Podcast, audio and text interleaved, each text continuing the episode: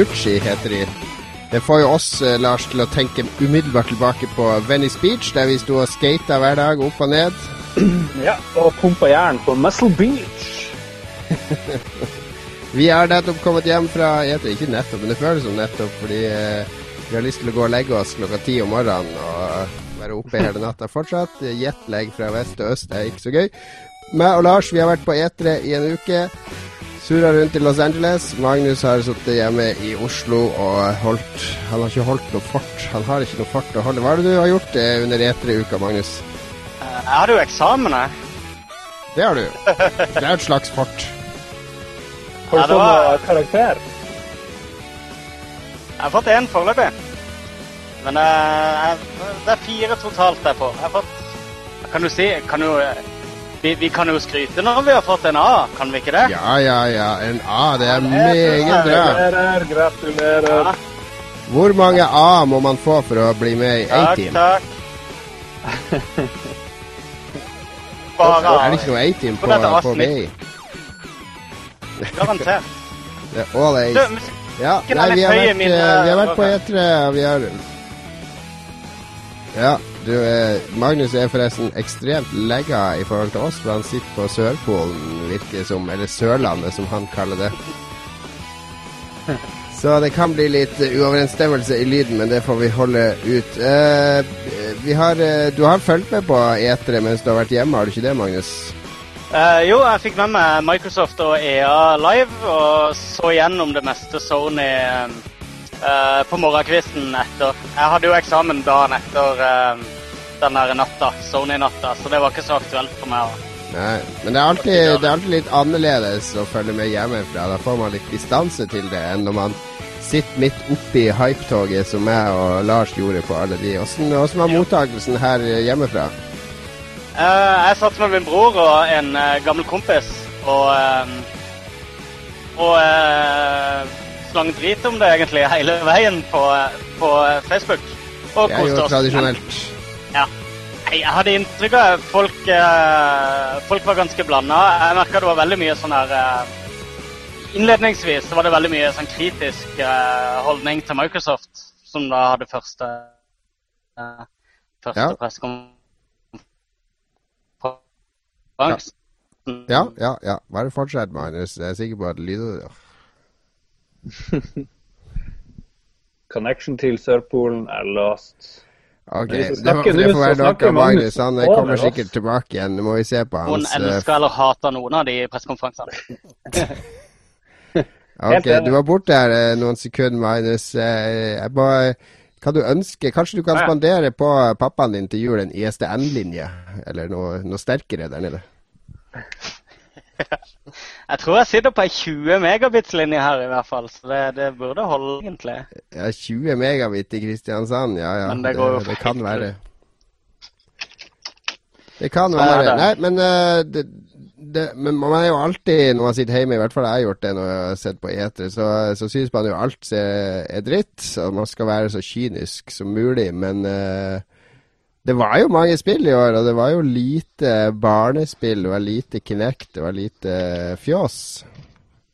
Det var vel det vi syns borti der, Lars. Ja, vi syns det var helt greit stramt, stramt og fint eh, opplegg fra Microsoft. Så ja. Hva du ga du? ga terningkast. Det her blir jo folk å få høre etter hvert, da. Ja. si sånn. Vi, skal, vi har et innslag der der vi tok opp ILA, så vi skal snakke mer om Eller dere får høre mer fra E3 der. Eh, vi skal i hvert fall snakke litt om hva vi har gjort i det siste, bortsett fra E3. Og eh, Lars, du, oppi, du kom deg opp. Du måtte ta et ekstra fly på vei hjem fra, fra E3, du. Mens vi andre bare holdt ut i sånn 22 timer før vi kunne legge oss. Så måtte du noen timer til. Jeg tror jeg var oppe i 30 timer, eller jeg husker ikke hvor lenge det var. Men ja, det å sitte og vente i to timer på Gardermoen etter å ha dratt fra USA, LA til Amsterdam, som tok ti timer, og så vente i Amsterdam, og så fly til uh, Oslo, og så vente enda mer, og så fære til jækla Harstad. Det var jo det var litt drøyt. Det syns jeg var litt drøyt. Så. Men det gikk nå greit. Og jeg er fremdeles jetlagga de luxe. Jeg driver og våkner seint fordi jeg kan det, og det hjelper jo ikke på. Jeg har sånn kveldsuke-greie, og så sovner jeg noen i seks-syv-tida om natta, og det er jo utrolig leit. Jeg klarer ikke å snu det der forferdelige døgnrytmen. En veldig fin kur for å snu jetlegen, det er bare å få seg en to-tre unger. Så, så er man nødt til å snu det med en gang. Nei, jeg hadde Jeg jobber jo hjemmefra, så det er jo en utfordring i seg sjøl. For de første Vi kom hjem på mandag ettermiddag alle sammen. Så holdt jeg ut i sånn 10-11-tida, så la jeg meg, og så sov jeg hele natta og sto opp seks. Mm. Og så skulle jeg sette meg og jobbe klokka ti, og da ble jeg sånn akutt trøtt, så jeg sov jo fire timer på formiddagen. Fordi da var jo kroppen min insisterte jo på at det var natt. da Big mistake. Ja, det er, det er ulemper med å ha hjemmekontor og jetlag samtidig, at man kan gå og legge seg. Så, men uh, nå er jeg helt fin. Nå, nå, I går klarte jeg å la være å sove på dagen, så i dag har jeg vært helt fin. Og nå er Magnus tilbake. Nå har du flytta. Du har Ja. fra, til kjøkkenet. Det er der du er med. Nei, nå er jeg helt nede på kontoret til familiebedriften her. Helt nede i kjelleren av huset. Jeg ser umiddelbart så ser jeg og hører jeg en sterk forbedring. Nettopp. Det var også eh, planen. For det at helt øverst i huset er det utrolig svakt eh, signal på trådløst. Her nede sitter serveren, så da er det Da er det endelig eh, bukt med lag, i hvert fall. Den trådløse serveren. Den trådløse server, ja. Han går på det er bra at du har satt deg ved den trådløse serveren. Den trådløse ruteren. Yes. Yes, Men uh, ellers da, Lars, det, hva, hva har skjedd etter du kom hjem? Nei, jeg, jeg føler ikke det har skjedd en dritt. Jeg, jeg vet ikke. Jeg Jeg ser at det ser det, ganske ryddig ut bak deg. Er det du som har rydda, eller er det mora di som har vært på ferde mens du var i USA? På en av de her jetlag-morgenene så våkna av støvsugeren gikk eh, ned i kjelleren her. Da, moderen tar seg til rette selv om hun har flytta ut her, så det liker jeg jo. Det er bra. Så, Det er ja. ikke verst. Men du da, Magnus. Du har blitt ferdig med alle eksamener nå. Ja, det er utrolig deilig. Um, men uh, litt kjipt òg, syns jeg. Jeg kunne egentlig ha fortsatt, uh, fortsatt litt til med lesing. Men eh, veldig merkelig å være 35 og ha skolefri og sommerjobb, må jeg si. Ja, så, for du jobber i familiebedriften og sommer, og det er ikke sånn dyrepass av Julius. Det er Nei, litt det sånn klær og, og sånne ting. Det er den andre sida av familien, ikke den dyre dyreparken. Ja. Og, eh, og eh, faktisk heller ikke Arve Tellefsen-sida av familien Lars. Ja, den, eh, Nettopp. Det er ikke ved fiolinvedlikehold heller. Nei, det er den ingen av de sidene. store og ukjente delen av familien din, så det trenger vi ikke snakke så mye om. Ja. Det er egentlig en del av familien vi ikke snakker så mye om. Ja. Jeg skjønner, jeg skjønner. Men du, i tillegg til å jobbe, så følger du vel med på eh, denne galskapen i Brasil? Åh, ja. Manisk. Nei da. Jeg, jeg har vel sett en to tredjedeler av kampene, regner jeg med. Eh, etter å ha innarbeida en døgnrytme hvor jeg faktisk sovner før tolv, eh, så sliter jeg med å se de der kampene klokka tolv. Men eh, bortsett fra det, så ser jeg det meste som skjer. Det var ganske ideelt å se VM når vi var i, i USA, fordi der begynte kampene eh, klokka ni om morgenen og tolv på formiddagen og tre på ettermiddagen. Og sånn etter etere, når vi bare gikk og daffa hele dagen, så var det jo helt perfekt. Ja. Så, men den første åpningskampen, da var jo Lars var jo syk den dagen, så han kunne ikke være med. Men da dro alle vi andre opp på Vi skulle egentlig på The Cat and the Fiddle oppe på eh, Ja. eh, Sunset. Sunset. Du er sånn engelsk pub. Men den var helt stappfull, så vi dro i nabopuben der det var mye bedre plass. Og så innførte vi en sånn flott lek da med at vi måtte shotte for hvert mål i åpningskampen. Og det, da ble det jo fire, fire shots på en times tid. Så han bartenderen han, han bare gnei seg i. Vi forklarte han den regelen etter første shot, så med en gang det var mål, så så han bare stå og lyste opp borti baren der og begynte å helle opp i en ny runde automatisk. Så han Hadde bort. ikke plingefest? Så vi var i god form når vi ramla ut fra den puben etter åpningskampen. Var, det Ja, da, ja, var det den dagen jeg kom ut oss litt senere, og så var det fullt kjør oppe i Hollywood? Det var da du hosta deg opp eh, til Hollywood utpå kvelden der, og når vi alle vi var på en megasnurr. Ja, det var mye allsang. Det var mye allsang. Og så får vi Ja, vi på- hadde en fin eh, sang eh, der vi sang at eh, hverandre hadde ereksjon, da. For det var ingen amerikanere som skjønner det når du synger det på norsk. Så De skjønner ordet ereksjon, tror jeg. ja, men vi brukte sånne slangord som standarden og sånne ting. Ah, ok. Så det er jo det er jo alltid en fare. Når du går rundt i USA, så blir man jo Da prater man jo om bæsjing og fjerting og sex og sånne ting ganske høyt på gata, for man vet at ingen rundt seg skjønner hva man snakker om. Og snakker litt om folkene rundt seg og sånn. Så jeg merka når vi satte oss på flyet og det begynte å dukke opp nordmenn og sånne ting, at nå måtte vi begynne å moderere oss. Ja, det var ikke mye er moderering den dagen der, altså. Men det er når du, når du mellomlander i Europa, da går du alltid på en smell på det der. Uh, stå i heisen eller et eller annet sånt og bare si noe frekt om han foran deg. Det er fort gjort å gå i den fella. Men vi kom oss nå hjem, og for min del så brukte jeg en hel dag på å pakke opp diverse Star Wars-ting jeg hadde kjøpt der borte. Jeg har kjøpt mange sånn romskip til Star Wars Miniatures-spillet som jeg har på en hylle bak her. Fint utstilt, og eh, sånn Star Wars-kortspill og Jeg har litt sånn Star Wars-ånd i meg for tida. Jeg tror jeg gleder meg litt til de nye filmene, egentlig. Men uh, hvorfor det? Eller sånn, hvorfor, hvor kom denne ånden fra plutselig? Nei, jeg vet ikke. Det var fordi jeg begynte Jeg spilte det miniatyrspillet og det kortspillet litt sånn. Det spilte jeg jo før de filmene ble annonsert. I hvert fall det Ja. miniatyrspillet. Og så det kortspillet er veldig sansen for. Det er veldig kult laga. Og så og så skal de jo lage sånn der De skal ikke bare lage en ny trilogi, de skal jo lage to-tre sånne spin-off-filmer. Og den ene er jo han eh, Gary Witta som skal være manusforfatter, for han har vært med å skrevet uh, Walking Dead-spillet. Uh, og og den Book of Eli var det han som skrev òg, den filmen. Ja. Eh, Mm. så, og det skal være sånne filmer som ikke har noe med den hovedtrilogien å gjøre, men som foregår andre steder i universet. Akkurat sånne ting syns jeg er litt uh, Jeg håper de klarer å ta vare på litt ting. Altså, Disney har jo gjort det er jo De Marvel-filmene de lager, er jo ganske bra, så Ja, Ikke Wolverine-filmen. Den var Nei, den var ikke så bra, men de X-Men-filmene er kule, og eh, de, de Avengers var kule, og de, de melker det jo for mye rart, men det virker som de har fått med entusiaster til å lage de tingene som, som vet hva de vil lage. Ja, og det er jo ikke som eh, det er jo ikke som om alternativet var så veldig mye bedre. At det skulle bli hos eh, George Lucas. Nei, Nei, fytti grisen, æsj og æsj. Men vi så jo den der eh, All You Need i Nei, hva heter det? Eh, Edge of Tomorrow, basert på den der boka All You Need Is Kill. Og det var jo en fantastisk eh, film. Ja, det var vi på kino på borti E3. Det er den Tom Cruise-filmen. Det har vi jo gjort i det siste. den, ja. Var den kul, eller?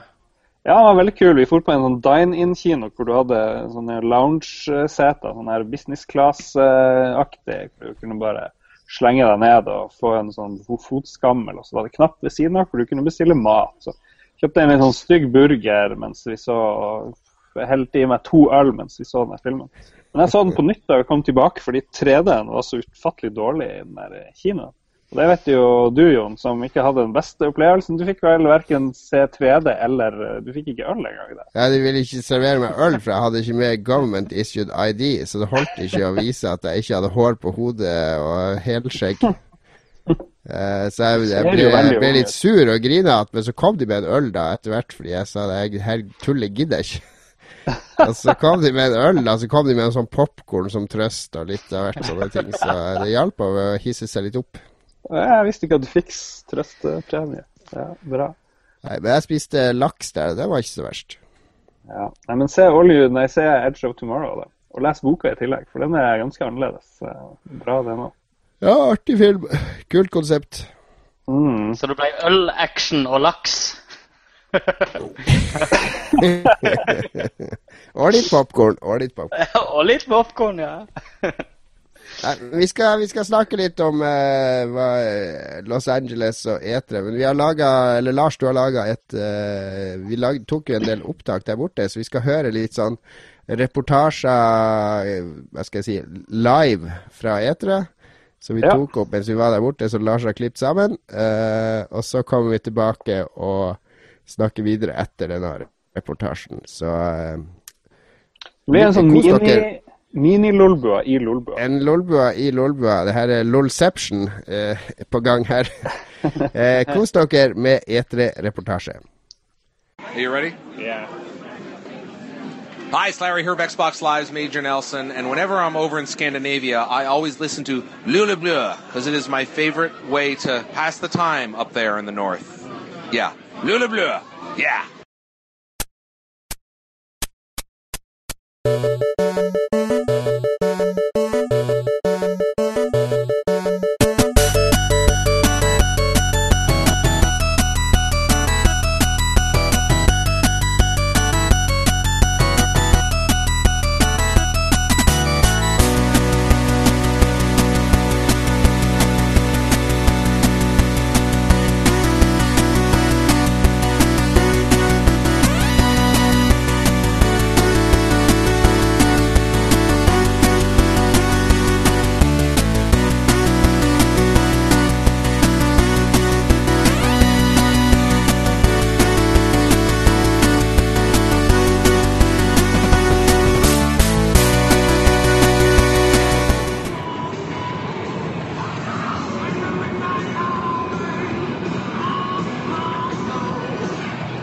Bra musikk å kjøre til E3 på. Vi skal jo til Microsoft med først. Og hva er det vi tror blir å skje der, da, Jon? Vi eh, holder knapp på at de drar en eh, kanin opp av hatten og tar penger så det suser med å annonsere at Xbox vil koste 299! Ja, fordi du sto tidlig opp og så på nyhetene, og der var det en melding om 299. Og ja, det høres ganske fornuftig ut, gjør det ikke det? Ja, De nyhetene var ikke spesielt uh, i dybden, så jeg aner ikke hvor de tok det fra. Men uh, de ligger så langt bak Sony at de må gjøre noe sensasjonelt for å få sjansen til å ta et forsprang. Og hvis de kutter Jeg tror ikke Sony har råd til å gå ned på den prisen, fordi Sony tjener vel så vidt penger på sin maskin som de gjør allerede. Så uh, jeg tror hvis de gjør det, så får de i hvert fall medvind. Det er mange som kommer til å kjøpe den. da. Jo da, jeg tror det kommer til å gi, gi effekt. Men nå driver jo Microsoft og henger etter så det holder, så de må jo gjøre et eller annet eh, drastisk. Så det her er kanskje måten å gjøre det på. Skal jeg gå inn på scenen og bare si 299? Om de skal dra en 95-etere på nytt? Nei, ja. Kanskje eh, Kanskje de får eh, fått inn selveste eh, Hvem er det de har igjen? De får ikke inn Bill Gates og sånn lenger, de har ikke noe med det å gjøre. Men de må få en sånn stor presence til å gjøre det, hvis de skal gjøre det så kult. Jeg tror det blir han uh, Jay Allen. Et hologram av uh, Steve Jobs. Ja, ok, vi er nå på uh, Ai, nei, vi er på Hvilken vei er vi på? Vi er på eh, Highway 110, eller hva det heter for noe. Ja, det ser sånn ut. Nå kommer vi 110. endelig. Oh, vi driver og er veldig spent på når vi er fremme her. Vi har ikke sånn sykt god tid. Vi har, en, vi har halvannen time på oss, så vi er fremme om en halvtime, så vi har masse tid. Og for de som har spilt eh, GTA 5, så ligner det her rimelig heftig bortover nå til min eh, høyre side. Opp igjennom hilsen der hvor huset ditt er. Det er liksom der vi ser. Men nå er vi på en sånn gigantisk hovedvei, da. Og så er det veldig mye tåke. Jeg kan ikke huske det var så mye tåke i GTA 5. Det var jo litt urealistisk. Ja, dritspill. Jeg håper vi får høre noe om GTA 5, da, men det er vel tvilsomt eh, at vi gjør det. Men eh, det som er med GTA 5, det er jo den der online-delen har vel ikke blitt den der helt store slaget, når jeg tenker på det. Nei, jeg har ikke noe tall på hvor mange som spiller den.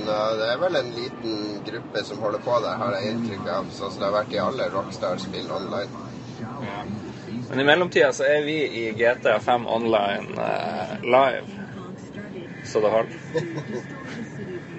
Thinking of buying a new car? Well, this is the week to do it. Why? Because it's Edmunds Car Week. Comedian and fellow car enthusiast Adam Carolla is helping kick off Car Week today at Keys Audi. You'll be able to play everything you've just seen on Xbox One this holiday. Yeah.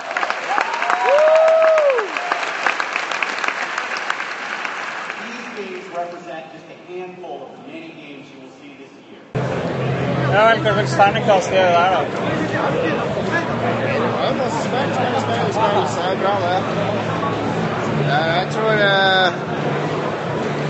så er det Microsoft og Nintendo nesten har slått seg sammen. nå. De må eh, de vet at det er ikke sånn som det var før. At de er en egen, blitt en nisje igjen. Så de må kjempe for uh, sitt uh, For å bevise sin eksistens og sin fortreffelighet. Og at folk skal bry seg om spill igjen. Ikke mobilspillene og casual-spillene. Så du, du er ikke så veldig imponert over det du har fått sett? Ja det er masse kule spill for folk som spiller. og Det er det de må fokusere på. Å gjøre de maskinene til maskiner som eh, folk som spiller, har lyst til å spille på. Fordi det de har gjort i seks-syv år, er å jakte på de casual-folka med Kinect og Move og alt mulig tull som folk ikke bryr seg om. Nå har de raka bort alt det og sagt vi lager spill. Ferdig med det. Og så håper de at det er nok folk som da har lyst til å spille, ikke sant. Det var det VU jeg møtt, er jo at oi, alle de her eh, som hadde Vi, de var ikke interessert i å gå over til VU.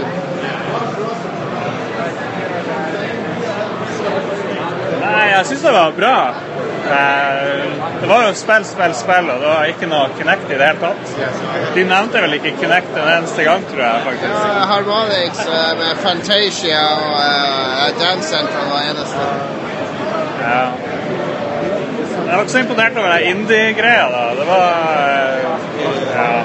Jeg tror det var under fem minutter med den indie-greia. Men det så ganske dårlig ut, den der eh, showreelen deres. Jeg vet ikke, det var noe med bildegreia. Det bare så litt crap ut, egentlig. Jeg vet ikke hvorfor det var. Men eh, det jeg likte best, det var vel det der eh, Sunset Overdrive. Da, tror jeg. Det så ufattelig morsomt ut, egentlig.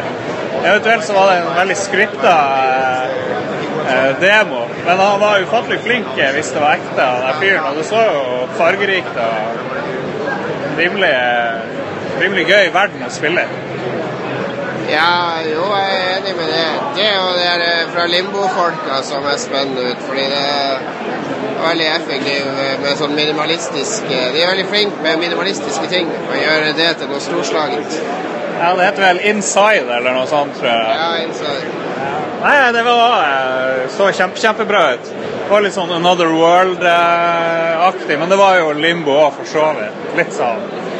Jeg ser på, eh, ser på Twitter at Filmpolitiet har gitt eh, Xbox-showet en treer. OK. Tja, ja. Nei, jeg vet ikke. Det er, kanskje det er en grei karakter. Ja, jeg vil jo gi det en firer, tror jeg. Det, det blir kult. da. Man får få overraskelser, men det er jo, det er jo knapt overraskelser på etere lenger. Nei, nei, vi fikk ikke gjøre noe om det her penge- eller prisnedsettelse i det hele tatt. Nei, men. Jeg lurer på hva den der eh, overraskelsen eh, på inngangsbilletten var. Det driter jeg i. Du vil bare komme ut. Det verste jeg vet, å gå i sånne store Du går i faen meg som å gå midt på Karl Johans gate på 17. mai der. Ja, vi har ikke kommet oss ut ennå. Vi er ennå i, eh, i showlokalet. Nei, det er helt stappa her. Hvis det begynner å brenne nå, så er vi eh, dødsdømt. Når begynner neste greie? Er det Electronic Arts? Ja, det- det er eh, om 50 minutter. Jeg skal eh, møte Level Up først. Og de vil gjøre noe greier. Og hva skal du, Lars? Nei, jeg skal vel finne meg en Apple Store, tror jeg. Det er vel min plan, egentlig. Jeg vet ikke hvor langt unna det er. Jeg får prøve den her Uber-appen som er lasta ned. Ja, du må teste den. Jon Cato. Ja, ja, ja. Jeg begynner å få vondt i hodet her. Nå blir det ettermiddag, og jeg tror jeg har gått litt for mye ut i sola. Det, jeg har vært og kjøpt meg eh, Macbook Air. Jeg har vært og sosa rundt omkring. Jeg vet ikke hvor jeg var engang. Jeg bare søkte på Google eh, Maps etter en eh, Apple Store, og så for jeg dit. Men Gud du reiste dit med den eh, fantastiske taxitjenesten Uber. Åssen var det? Uber var genialt. Ja, hva er det det går ut på, for de som ikke vet det? Du laster ned en app, og så skanner du inn eh, kredittkortet ditt. Ja.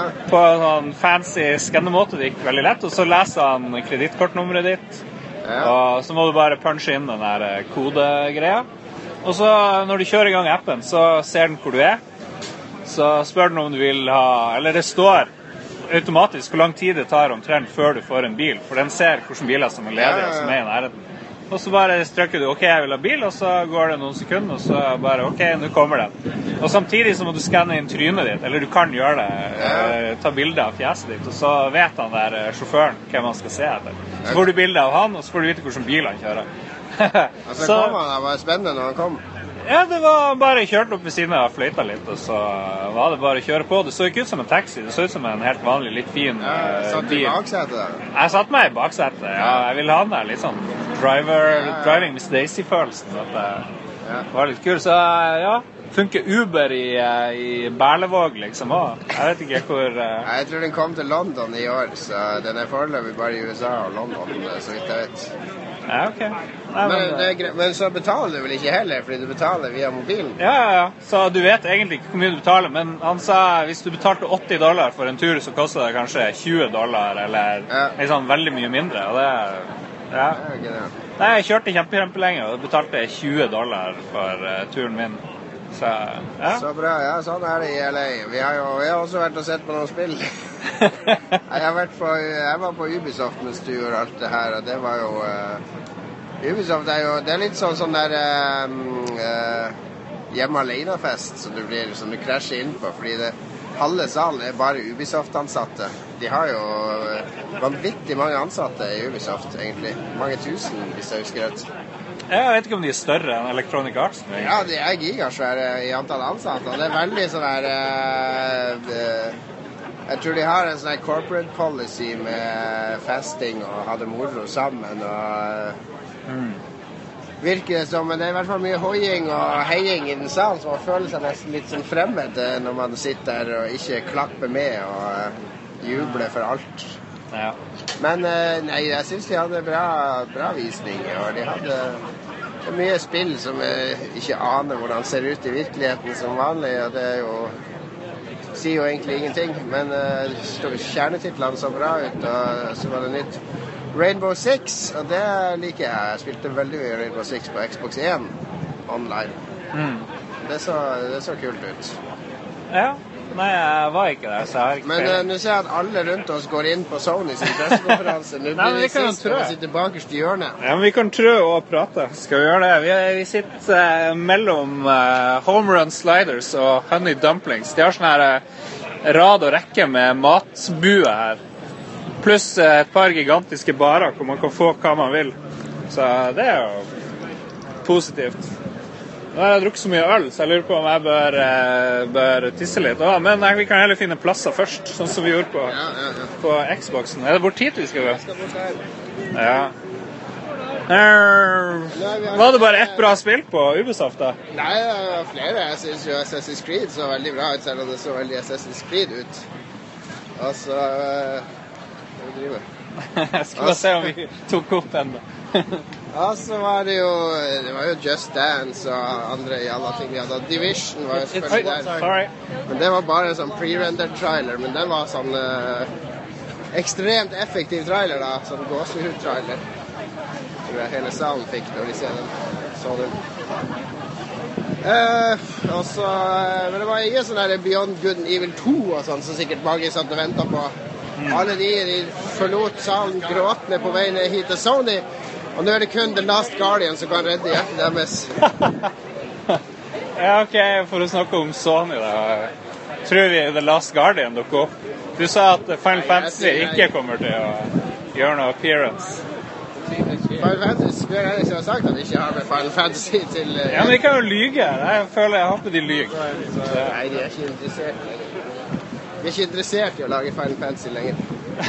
Men det er ingen grunn til å gråte for det, fordi det kommer jo dritmange bra JRPGs hele tida. Spesielt på 3DS. Og eh, hvis du ser litt rundt, så finner du jo JRPG-ene dine. De lages fortsatt. Tales-serien og masse annet. Man må ikke bare være så opphengt i den Final Fantasy-serien, spør du meg. Ja. Kan jo si at vi, eller jeg så Mark Cerny da vi skulle, da jeg gikk inn på området her. Uh, Marvel Madness-skaperen. ja. Eh, PS4 har laga PS4 også. Jeg lager PS4. Jeg er litt sånn morsom, eh, morsom dude. Så jeg stoppa bare opp med en gang jeg gikk forbi han, og så dro jeg opp mobilen. Så skal jeg snu meg og eh, få noen ord med han. Men da hadde han allerede gått av sted i hurtig tempo, så da torde jeg ikke å Jeg skjønte, Bryte inn. Han skjønte hva du hadde planlagt. Det hadde jo vært en Lolbua exclusive. Ja. Ok, Jeg er rett bak XGN her. Vi er i svære stadion. Vi er rett uh, attmed Vi går bort her, kanskje. Dette da farsker en losje. This way? Blir vi pekt og henvist overalt der inne. Ja. Vi er rett ved LA eh, Memorial Stadion, der det var eh, OL i 2000 og, nei, hva var det, 1992? Vi kan gå her, tror jeg. 84 eller noe sånt. OL i 84 her. Ja, det er den stadionet rett attmed. OK, her er det rimelig fullt. I'm Pete and I'm here today to show you Little Big Planet for the first time on PlayStation 4. So Sackboy's here, he's back, and he's very pleased to be here. Dag én er nå ferdig. Vi driver og kjører tilbake. Vi skal på The Ale House, som er på Venice Beach, ikke så langt unna. Hvor vi har noen venner som venter på oss. Og der snakka GPS-en vakkert. Vi har eh, begynt med Microsoft tidlig på morgenen. eh, Så har noen av oss vært og sett Electronic Arts. Og så har vi begge sett eh, Sony nå på kvelden. Ubisoft. Du så Ubisoft, ja. Vi har, det har blitt litt uh, drinkings her på kvelden, som seg hør og bør i Lolbua. det ville jo ikke vært Lolbua hvis ikke det var sponsa av et ølmerke. Og i dag så var det AIP Nei, hva heter det? IPA. IPA. Du var sponsa av IPA i dag, Jon. Ja, jo, ja. Jeg var vel det. Jeg drakk bare én øl, da, for jeg kjører bil. Ja, Det hadde ikke gått bra i Norge, men i USA, der er det meste lov. Hvordan Det er lov i Norge òg, bare for å si det. Vi skal på Pico Boulevard. Eh, hvordan skal vi oppsummere det her? Eh, det- var eh, bra dag. Mye bra spill, faktisk, eh, vil jeg si. Mye lovende spill. Mye Ganske bra variasjon, spesielt på Sony sin. Noen kaller det variasjon, andre kaller det et usammenhengende rot. Nei da, det var bare at det varte i to timer, og det altså, var det sist på dagen, så jeg skjønner jo at folk blir lei, men det var, han var litt kjedelig, han der fyren som kom ut og prata om free to play og There you go! Som han sa sånn tre ganger hver gang noen hoia i salen. Ja, det var Jeg har vært på Sony noen gang før, og da var det bedre, altså. Det må jeg si. Så når han Altså, det, der det eneste grunnen til at du syntes det var bedre før, det var at de rulla den scenen til sida, og så var det masse sånne stripperdamer som dansa bak. Så det er klart at du syntes det var bra da. Jeg ser ikke problemstillinga. Selvfølgelig var det bedre da. Ja, men det, du den her hadde vært like bra i min, mitt postulat hvis de hadde gjort det samme etter showet da, så hadde du hatt masse gode minner fra det pga. de damene. Jeg vet ikke. jeg vet ikke. Nei, jeg syns det var litt kjedelig. Det var masse tull. Spesielt det der free to play. Tenk å bruke fem minutter på free to play og aldri nevne Indis. Hva er det for noe? There you go. There you go. Ja, og så først var det Microsoft. Vi, vi har snakka om Microsoft allerede. Og, men hvis vi skal sammenligne dem, så vil jeg jo si at Microsoft var mer tight og, og sammenhengende. Eh, Sony skulle nevne Vita, de skulle nevne PlayStation TV. PlayStation TV som jeg ikke helt skjønner, men det var morsomt at de skal putte dem inn i Sony-TV. Det er jo fornuftig. Nei? Jo. PlayStation Now var det de skulle putte i Sony-TV. Nå tuller jeg. Du må oppklare. PlayStation Now det finnes ikke i Europa. Det kommer ikke til å finnes i år. Og det er en skydrøm for oss i Europa foreløpig, så vi får ikke se det i noen TV-avi på det første. Men det er jo en veldig god idé å ha Eller jeg vet ikke om det er en god idé, men i hvert fall Det virker som et salgsargument hvis en, eh, en dude skal kjøpe en TV, så vet han at han kan spille The Last of Us eh, eller et eller annet. Ja, han, vet, han vet at han kan kjøpe The Last of Us, eller leie The Last of Us, fordi de har ikke funnet noen prismodell på det her ennå. Det blir ikke gratis å spille de her 1000 spillene som, eh, som man kan få inntrykk av at det. Det blir jo en abonnementsmodell, eller Eller at du betaler fem euro for å spille, ha spill i en uke, eller noe sånne ting. Det, Ja, kan du ikke gjøre som Netflix, da, at du betaler litt, og så får du mye rart, og så forandres kanskje tilbudet litt? Du klarer å gjøre ferdig et spill på to måneder, liksom. Jo da, jo da, jo da, men det det er eh, det er ikke sånn at du kjøper en TV, og så er det 1000 PlayStation-spill inkludert i TV-en, som man får inntrykk av når man så pressekonferansen. Det er at du kjøper en TV som har et tilbud til deg. Ja. Ikke for å disse den greia, men den er, det er fortsatt mange uklare faktorer i den. ikke sant? Så, men foreløpig er det bare for USA og Canada. Så vi får se hvordan det funker her borte, hva slags prismodeller de legger seg på. og sånn. Ja, ja. Skal vi si noe mer om noe seriøst? Hva Ja, er fordi Nå må vi finne det parkeringshuset vi skal stå i, og nå må vi trenge hjelp om 0,3 miles. Vi er nesten fremme ved Venice. Det var godt tima. Nei, men det har vært en fin eh, første dag. Jeg ble ufattelig lei på Sony-pressekonferansen. Da bare begynte jeg å hate. Men så Nå kjører jeg jo nesten på rødt lys. Det, men så eh, ble vi invitert på noe sånn her eh, senkveld hos Microsoft, hvor det var bra musikk, det var eh, bra Da mat. møtte, møtte vi en spesiell fyr som lagde en liten intro til oss på Lolbua. Skal ikke si hvem det er. Nei, men han er, han er i militæret, for å si det sånn. uh, Morsomt, ja. Det var altså George Buss Oi, nå ser vi uteliggerne kommet ut. Det er jo det som er fint med California. Uteliggerne fryser ikke i hjel med det første. Ja. Og med den eh, filosofiske kommentaren så sier vi god natt fra Lolbua i LA første dag. God natt. God natt. God dagen, eh, folkens. Det er dag to av E3, og hva er det vi hører i bakgrunnen, Jan? Det er a-ha med Take On Me, og vi har vært i LA i eh, to døgn. og Det er tredje gang jeg hører dem på radio. nå. Skulle tro de levde på 80-tallet her. Vi har et kjempeproblem, for å si det med andre ord. Ja, jeg ble litt småhissig at den ble spilt. Vi hørte artig norsk musikk i går, og vi var på Xbox-festen. Og da plutselig så spilte de mopedbart, eller mopedbart, som det da uttales. Jeg husker ikke hvem det er, men det er jo norsk tekst og alt. Det er veldig behagelig uh, lounge-musikk. så da, det var litt morsomt at de spilte den på Xbox-festen her i LA. Ja, nå har vi sovet etter å ha kost oss på den der Xbox-festen. Jon gikk rett og la seg da vi kom til eh, Venice Beach. Jeg forut og tok en eh, to-tre øl. Eh, og nå er klokka halv åtte snart, så det her blir en bra dag. Jeg er litt sliten, men uh, hei. I går føltes det som om jeg bare lekte meg gjennom E3, og i dag så kjennes det ut som jeg er på jobb. Eh, ja. Jeg vet ikke om jeg likte det. Ja, det er bra at du skal på jobb. Jeg har eh, masse å gjøre i dag. Vi er nå på vei Vi er ikke på vei til E3, for det åpner egentlig ikke før før tolv. Vi er på vei opp til hotellet til eh, VGTV-gutta, for vi skal se Nintendo har jo så kjent ikke som presseshow. De bare viser live på nett, eller på nettet. Det er Nintendo Direct. Så vi skal se den sammen med de, da. Jeg fulgte med da dere på VGTV oppsummerte den første dagen og avslutta med at det blir spennende å se Nintendo i dag. Jeg vet ikke om det er så spennende. Jeg håper det. Jeg, jeg hadde liksom bare tenkt å droppe hele Nintendo Direct, for å være ærlig, men tror du det blir noe action der, da?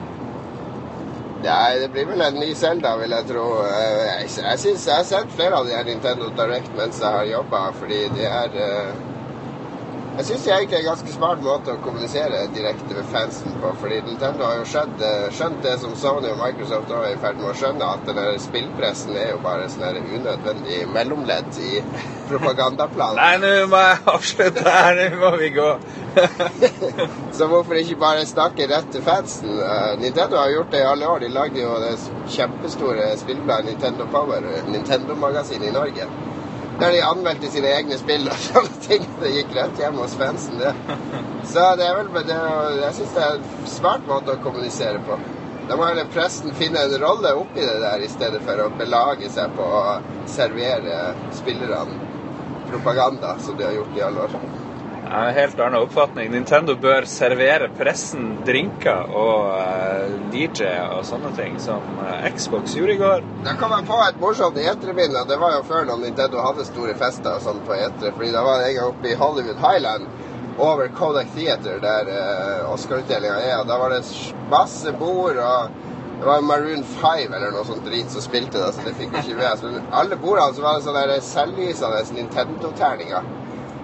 Eh, og det første det norske bordet gjorde, jeg skal ikke si hvem, det var ikke meg, det var jo selvfølgelig å sette sammen, samle sammen masse sånn og så lage et sånt svært hakekors på bordet av selvlysende Nintendo-terninger.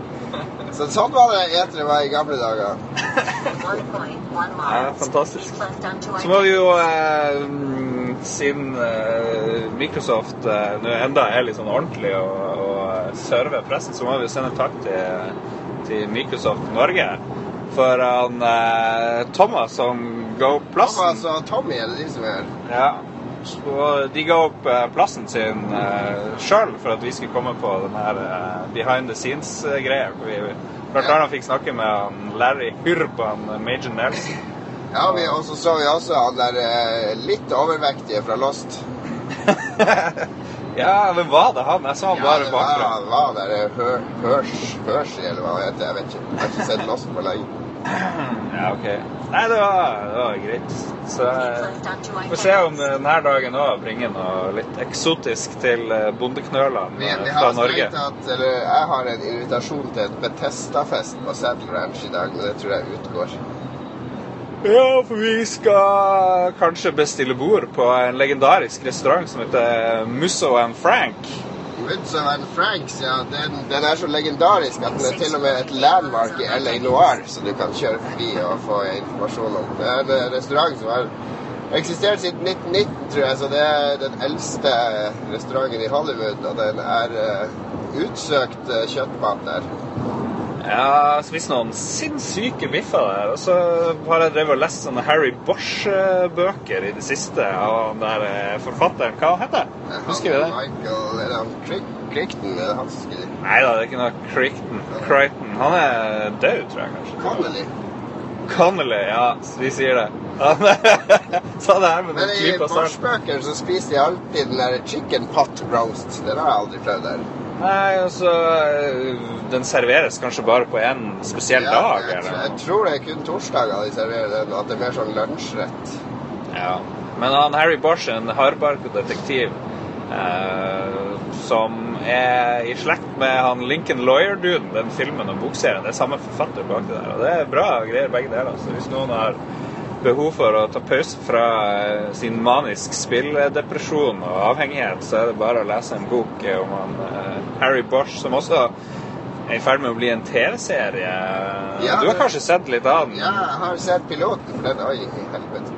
Oi, det er en krise på vei der. Så er vi opp, på sånn. Do not cross-bånd som ligger midt på Ja, det bare slengtes over hele plassen. Ja, nei, det er Amazon Prime, eller hva det heter. Amazon, eh, de lager jo en, de har laget en del TV-piloter, og Harry Bosch er en av de. Og det var faktisk ganske bra. Det er basert på eh, Harry Bosch-bok jeg leste nettopp. Så, eh, men det eneste jeg ikke likte, det var at Bosch ikke har bart. For han har alltid bart i bøkene. Jeg har alltid sett han for meg med en streng bart. Det har ikke jeg hørt. Står det at han har vært? Det husker jeg ikke. Ja, ja. Han har vært.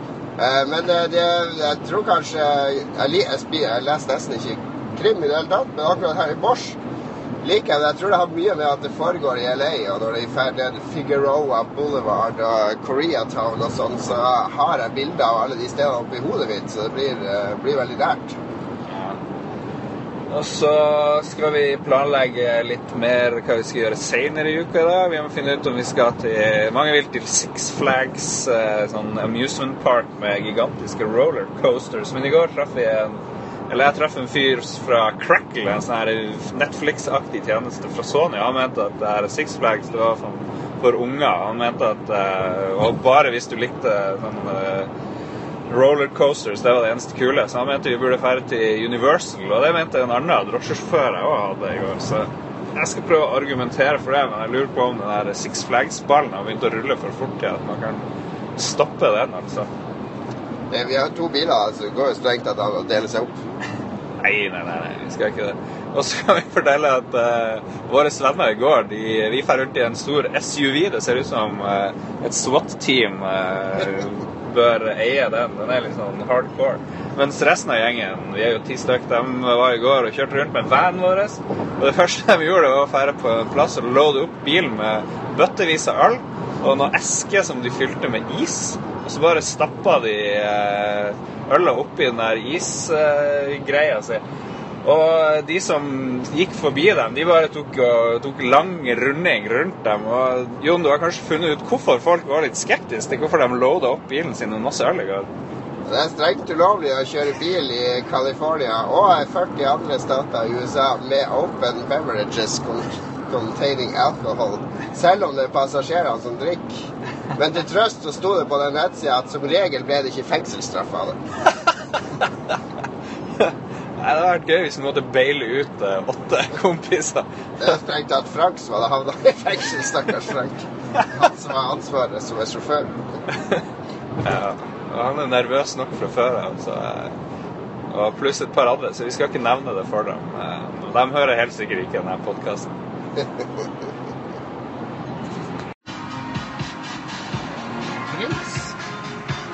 Da ønsker vi velkommen tilbake til bil- og musikkpodkasten Lolbua.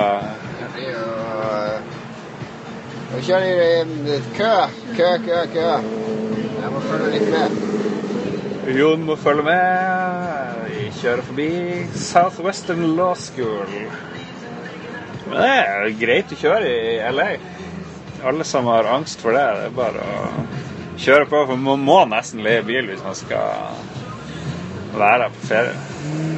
Det er ikke noe spesielt bra kollektivtilbud. Men whatever. Nok av eh, bilpratet. Vi eh, har vært oppe hos Level Up-dudesen, vært på deres eh, hotell. Du har ligget og prompa på Rune sin seng. Det her er gjort, så når han legger seg i kveld og det liksom molekylene frigjøres, så vil han få en gledelig overraskelse. Så vær så god, Rune. Men uh, før jeg gassa den ut, uh, og dere var spilt inn uh, noen reactions på det, så så vi Nintendo Direct. Yes, sir. Dagens første første høydepunkt. Og det var Ja, jeg er stor, storfornøyd. Det var artig. Det er jo det som Nintendo alltid gjør. De lager sine egne greier og oppfølger til sine egne spill. Og så hadde de jo noe sånn her eh, maleskytespill òg, som var ganske originalt. Og så hadde de jo Zelda, som så helt fantastisk ut, det lille man fikk se. Så Det så jo absurd Det så nesten for bra ut. det gjorde det. Så Nei, men det, det var det var artig. Ja. Nå må du eh, skifte fil her, ja. Exit 3B om 2,4 miles. San Pedro. San Pedro. Uh, Vi har kjørt forbi der borte er enda mer storage. Eh, Vi har jo begge sett på Storage Wars. Men vi har ikke sett eh, Vi har ikke sett han Barry og gjengen ennå. Nei, Nintendo Jeg vet. Jeg syns det var det, det, jo, det er jo morsommere å være der live, selvfølgelig, men eh, det var en bedre sånn, opplevelse og informativt og høydepunktmessig på Nintendo enn i hvert fall Sony, som jo varte altfor lenge, spør du meg. da. Og ja Høy kvalitet på absolutt alt, egentlig. Stort sett. Fikk se en bit av norsk spillet Tesla-grader òg, det var jo litt gøy. Da jubla Rune, husker jeg. Så han er glad i norske spill. Hva mer skal vi si om Nintendo? Nei, det var eh, Altså, det Det artige med den greia er jo at du skal, du skal vel ned og besøke Nintendo på stand nå, så det blir artig å se hva som er spillbart der, og hva man får prøve. For det var også Miyamoto dukka også opp og sa han hadde noen sånne nye lekespill som lekte med paden og TV-en og sånne ting, så det blir artig å se hva han har funnet på der. Det var vel en del ikke visste også på den der presentasjonen. Ja. ja. Nei, jeg skal nå om en par timer skal jeg møte ei svensk dame fra Bergsala. Det er jo de som distribuerer Nintendo-shit i Jeg jeg husker å hilse på sånn som jeg hilser på alle svensker. Vel, bare sa, Hur mår ni? Har ni hittat porkungen? Hör ni gökorna? Yes, yes! Ja, men det skal jeg huske. Det blir bra. Porkungen. Har ni hittat porkungen? Og jeg kan, jeg kan snakke om, eh, om sånn der Tina, den mat-Tina. Det er vel uh, største svenske kjendisen jeg vet om, bortsett fra kungen. Mat? Er Mat-Tina den største svenske kjendisen du vet om? Jeg tror det. Hva slags verden lever du i? Hvem er det som er større i Norge? Matina har jo egne reklamer i Norge. Klart hun må være størst. Ja, Elisabeth Andreassen er jo større i Norge, hvis du skal begynne å dra frem sånn Norge, svenske norgesvenner. Spør noen under eh, 40. Jeg tror ikke de har hørt om det der. Elisabeth Andreassen. Ja. Nei, nå sporer vi litt av her. Og nå skal vi også Skal vi ta av her? Nei. Nei. No. Ja vel. Nintendo på meg, og du skal Hva du skal gjøre, Jon? Jeg skal til EA, så skal jeg skal snakke med produsenten av Sims 4. Og så skal jeg se på litt andre EA-spill. Og så skal jeg til Ubisoft, og der uh, satser jeg på å få prøvd litt uh, Far Cry, kanskje. Og så skal jeg intervjue Dark Souls 2-produsenten om DLC-en som kommer, for de skal lage, legge til mer story i det spillet, sånn som jeg har skjønt. Så det, det er min dag. Det blir nok et uh, flott intervju med en japansk uh, dude og translator fra USA, sikkert, som skal Det- filtrere alt han sier til deg. Det er alltid artig. Jeg har alltid ønska jeg kunne japansk på sånne intervjuer. Så jeg hører at han Jeg spør et spørsmål, eh, og så så han oversetter seg. The white devil asked, asks another stupid question. Just laugh a little and say something, and I will figure something out. Det tenker jeg de sier på halvparten av spørsmål. Okay, so we're here with Ian. Yeah, Ian. from Ubisoft. And uh, your role in the game was, again, I'm the user research project manager. it's research. That sounds kind of crazy cool, but uh, It is. It's actually it's super cool. Basically, I, I bring people in and I watch them play and I make sure that they're having a great time. okay. Uh, and about Far Cry 4, uh, the elephants are kind of a surprise. Yep. Uh, when do you get to play as the elephant? Oh, that's. I'm going to send you to marketing for that one. Okay. Uh, second question. Uh, Far Cry is famous for its, its cries and shouts, like Fus Roda. Uh, how have you like developed that further with Far Cry 4? Like shouts for the the enemies, the AI. No, the hero. You know, you can shout Fus Roda, and you have like these magical powers. Oh, you mean? No, I think you got the wrong game. Really? Like, that's uh, Skyrim, right? Okay, we're ending this interview right now. Oh, you're at, you're at the wrong game. Oi, gjorde vi så mye morsomt der borte? Jeg hadde helt glemt mye av det der. Hold meg fast. Men det her var jo fra, det her var jo bare fra den første dagen omtrent, eh, Ja, det er Lars. de to første. To De to første, ja. Vi jeg tror vi kutter den idet vi er ferd med å fære til Game Empire eh, oppe i Pasadena. Oppe i Pasadena, ja. Ja, ja. Den briljante brettspillbutikken som vi kjørte opp til Pasadena. Og så var han jo av norsk eh, opphav, han som sto bak kassa. Så da hørte han var fra Norge, så You guys want a soda? Ja, Så åpna han sitt private kjøleskap, så fikk vi en colaboks hver. Da var vi heldige. Ja, det var kult det. Han visste ikke hvem han var i slekt med, eller hvor det var fra, men han visste at hans great great grandmother, eller hva det var, kom fra Norge. Ja, så Det ut, anbefales jeg å dra dit. Si at du er fra Norge på Game Empire, så I Pasadena. Ja, det var jo en bra, bra butikk, det der, da. Det var, jeg vet ikke, har Outland har jo kanskje nesten like mye, da, men Ja, akkurat brettspill er sånn her uh, veldig utfordrende å ha på lager, fordi de trykker et opplag, og så uh, kjøper du kanskje to-tre, og så selger du de ut, og så Ja, når kommer neste opplag? Ja, nei, hvis det selger bra nok, så trykker vi et nytt om uh, ni måneder. Så det er litt sånn vanskelig å, ha, å bedømme hva som er bra brettspillag. Men jeg hadde mye bra brettspill, mye klassikere, og hadde jo det jeg skulle som var Star Wars-figurer og Star Wars-kort og et par, dere par skulle sett, dere skulle sett hvor mye du kjøpte der. Herre jævlig.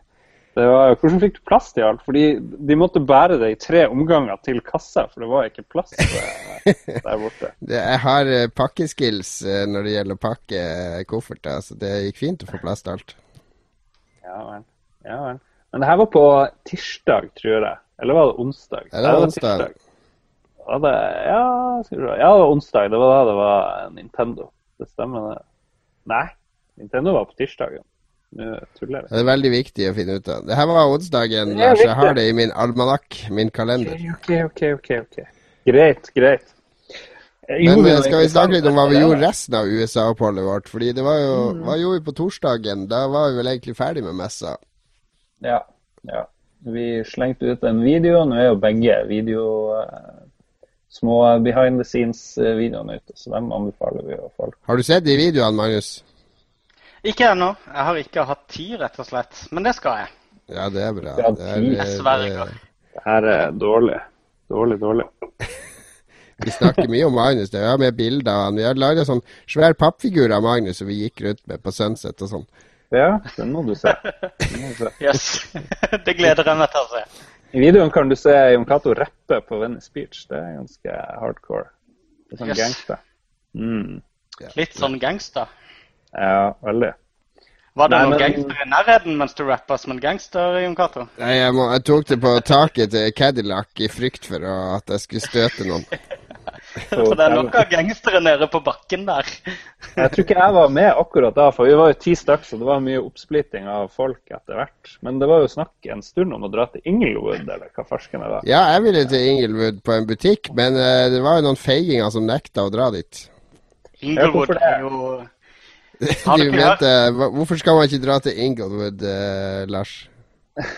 Nei, Eller eh, Magnus, du ja. var imot det. Um, Inglewood heter jo ikke bare Inglewood, det heter Inglewood. For det er det Dr. Dre sier. ok. uh, Inglewood ligger eh, rett ved siden av LAX og er et uh, relativt uh, slumområde som vi eh, som det er lagd veldig mye morsomme gangsterfilmer fra. Vi kjørte eh, med en feiltagelse rett inn i Inglewood forrige gang jeg var på E3. Og det, var, det ble en veldig spennende affære før vi klarte å komme oss ut. Eh, det er alt, alt du ser for deg av klisjeer med sånn latinoer med, nei, latinoer med sånn latinotatoveringer opp langs hele underarmen. og det var liksom Det bare gikk og venta på en eh, drive-by der. Eh, politiet kjørte rett inn bak oss og geleida oss hele veien. og Veldig, veldig skummelt, faktisk. Folk hoppa rundt i bilene. og Altså, jeg sjekka jo på Wikitravel før vi skulle dra dit, og der står det at Inglewood is actually safe and not as dangerous as commonly believed. Altså står det litt om crime-raten der, og murder-raten har gått ned, og bla, bla, bla. Så står det litt sånn Rape is only slightly higher than the national average, so don't expect rape. Det er, jo, det er jo en fin betryggelse at vi ikke kan forvente det, da. Men så avslutter de med at robbery and assault are extremely high. så eh, Ja, så det, det var en- dråpen som fikk det til å tippe over for de andre. Nei, vi skal ikke dit. Det var en vi reiste sammen med, jeg husker ikke hvem det var, men som fortalte en historie om at han hadde eh, Eller kompisen hans sin da, hadde kjørt inn med bilen sin og skulle inn på McDonald's i Inglewood. Og han eh, kjørte inn på parkeringsplassen, gikk ut av bilen, inn på McDonald's. Uh, og idet han går inn døra, så ser alle på han, og så kikker alle vekk. Mens en sånn dødssvær type reiser seg og bare går bort til han og bare sier jeg bare gi meg pengene dine. og, og alle bare kikka i en annen retning, og så alle lata som de ikke så det. Og så måtte han bare tømme lommene og gi han alle tingene sine, og så snu og gå ut og sette seg i bilen igjen. Utrolig stusslig. Så eh, nei. Hva var det du ville i Inglewood, eh, Jon Cato? Nei, det var en butikk der jeg hadde funnet som lå der, som så veldig artig ut. Så, men eh, det var kanskje det var bare falsk nettside for å lokke turister dit. Free toys! det var noe sånn. Toys and Candy Inglewood. Yes. Ja. Men skal vi snakke litt mer om hva vi gjorde borti der? Det er litt, det er litt sånn ekskluderende for Magnus. Nei da, jeg syns det er hyggelig å høre om. Jeg lever gjennom dere, vet du. Når jeg torsdagen var jo da det var VM-åpning, så det var da vi dro på flatfyll, og så var Lars litt syk, så han måtte ligge på hotellet og Ja, men jeg kom jo etter hvert, og det angrer jeg jo litt på, fordi dere drev bare og sang og og var litt sånn agrofull, egentlig. For vi skulle på, vi skulle på det Comedy Store og se Ja, vi var på Comedy på Store og så eh, Kevin Smith og han Jason Jason Muir sin eh, innspilling av podkast. Åh, det der uh, Smodcast, eller hva det heter. Det er, Nei, den heter Jay and Silent Bob Get Old, Gets Old, denne her greia her. Der, i hvert fall. Men de har jo noe Smud Empire, er jo deres hovedopplegg. Og han der eh, Jason Muse, han som ikke er han kjente regissøren, han har jo tydeligvis vært gjennom ganske mye. Han hadde jo 40-årsdag og fortalte ganske mye morsomt eh, på en litt sånn trist og sjokkerende måte. Fortalte jo om en av sine første bursdager hvor mora sa at nå skal jeg ta deg med ut, og så bare ja, jeg skal ta meg ut, og så for du jo bare rundt og stjal post i andre sine postkasser rundt omkring. så fortalte han om en av gavene han fikk, det var noe han hadde vært med på å stjele tidligere. Men så fikk han en sykkel, så da ble han glad. Og han sa han prøvde hardt å tenke på at den ikke var eh, kjøpt med stjålne penger. da. Så det, det var liksom begynte jo der. så fortalte mye om heroinmisbruket sitt og ditt og datt. og Jeg trodde ikke det skulle bli så morsomt, men det var veldig veldig bra. da. Det var det. Det var litt edgy, for man følte at han der Jason Muse, han der eh, heroinduden, at han kunne liksom flippe når som helst og bare kjøre nå- nål i armen sin. eh, Han er jo eh, eh, Han dukker opp rett som det er i den uh, Comic Book Man. Er det ikke den her? Jo, Ja, han er innom der av og til i den sjappa. Ja. Eh, veldig uforutsigbar og tar alltid alle figurene ut av pakka og sitter og leker med dem. ja. det er for så- Men vi møtte jo også en kjendis på den greia der som du tok bilde av sammen med Lars. Oi. Ja, plutselig så dukka Danny Treo opp, han fra Machete-filmene. Det er altså han der eh, litt halvgamle meksikaner som det første han gjør i alle scenene sine i enhver film, det er å flerre av seg på overkroppen. Han, har, han er sterk. Han er sterk. Men han var hyggelig. Det var, jeg ville ikke gå og snakke med han, men vår venn eh, Tore eh, overbeviste meg, og så for vi bort og tok bilde med han begge to. Syntes det var veldig gøy. Han syntes det var morsomt at vi var fra Norge, og så smilte han bredt. Men det virka litt sånn slitsomt, fordi alle skulle fære bort og ta bilde med han. Men han ble ikke Ja, lei. Han var jo superproff. Han sto der og gliste og gliste og gliste i en time mens det kom folk fra øst og vest og skulle ta bilde. Så det der, det, det likte han godt, syns jeg. Jo, han fikk nok oppmerksomhet, i hvert fall. Det gjorde han. Nei, så det var kult. Og så bar det jo videre ut. Dere for på noe Saddle Ranch-greier og ditt og datt. Og så ble jeg bare mer og mer sliten, så jeg dro hjem med Frank og Jabba, var det Dro hjem med The Losers Car, Ja, dro hjem med The Losers Car. mens vi andre kjørte Uber seint på natta. Ja. Nei, så jeg gidder ikke dra ut og nyse halve byen syk. Da. Men herregud, så bra det der Uber finka, for det brukte vi jo en del der borte. Ja. Det er jo den, det er sånn taxi-app, eller det er ikke taxi, da. Du bestiller en ride fra der du står, via GPS-en på mobilen din. Og så betaler du bare med mobilen, da. Og for det første så var det jo dritbillig. Vi tok jo drosje fra Saddle Ranch og ned til Santa Monica, som er sånn 40 minutters tur. Det kosta sånn 20 dollar, ikke sant? Det er jo ingenting. Oi. Eh, og for det andre så er det så supersmooth å få se når de, de bilene Du får se bilene i nærheten, og du får velge størrelse på bil, og de kommer med en gang, og de kjører det. Og det, de taxiene i LA er jo helt horrible. Det er jo bare Ja. halvgærninger som sitter der. Vi har jo sjøl sittet og blitt skjelt ut av en drosjesjåfør en gang når vi snakka om homofili, fordi han mente at det var Satans verk, og det skulle vi holde kjeft om i hans drosje og sånn. Så det, det er litt av hvert du møter i de vanlige drosjene. Men så her var det bare superhyggelige folk, og så gir du rating etterpå, og eh, det er eh, fuck taxi, altså. Det der eh, Uber, det, det var en supertjeneste. Var også, så så jeg jo en nyhetssak fra Norge eller hvor det var om at, eller Europa at taxisjåførene skulle eh, streike fordi Uber var på vei til Norge. Og så, så lagde de en sånn halvkjip vinkling på at det er First House, de der som liksom har jobba for Kina, la, la, la, de her konsulentene, også skal jobbe for Uber. og satt dem i et litt sånn negativt lys, men for konsumenter så er jo Uber det beste som har skjedd drosjenæringa. I hvert fall hvis du er i en by hvor det er nok folk til å støtte opp om Absolutt. det der. Ja. Problemet i Norge er at du må ha løyve for å eh, kunne ta betalt for å kjøre noen noe sted. Så det, det er faktisk Men den ulovlig. regjeringa her kommer til å droppe kvitte seg med den løyva der, vet du. Jo, men, eh, ja, men da mister de jo alle støttespillerne sine. Hvis taxisjåførene forsvinner ut av Frp-sfæren, hva skjer da? Ja, men det er jo Eh, allerede noe sånn greier. Det er en sånn vennegruppe på Facebook i Stavanger-området som har laga en sånn app som er akkurat som Uber. Ja. Så det er det som er saken har vært i media i det siste. Og det er Jeg vet ikke, De kan streike så mye de vil. Det er jo som om kino, kinoene skulle streike for at Netflix kommer til Norge, liksom. Det,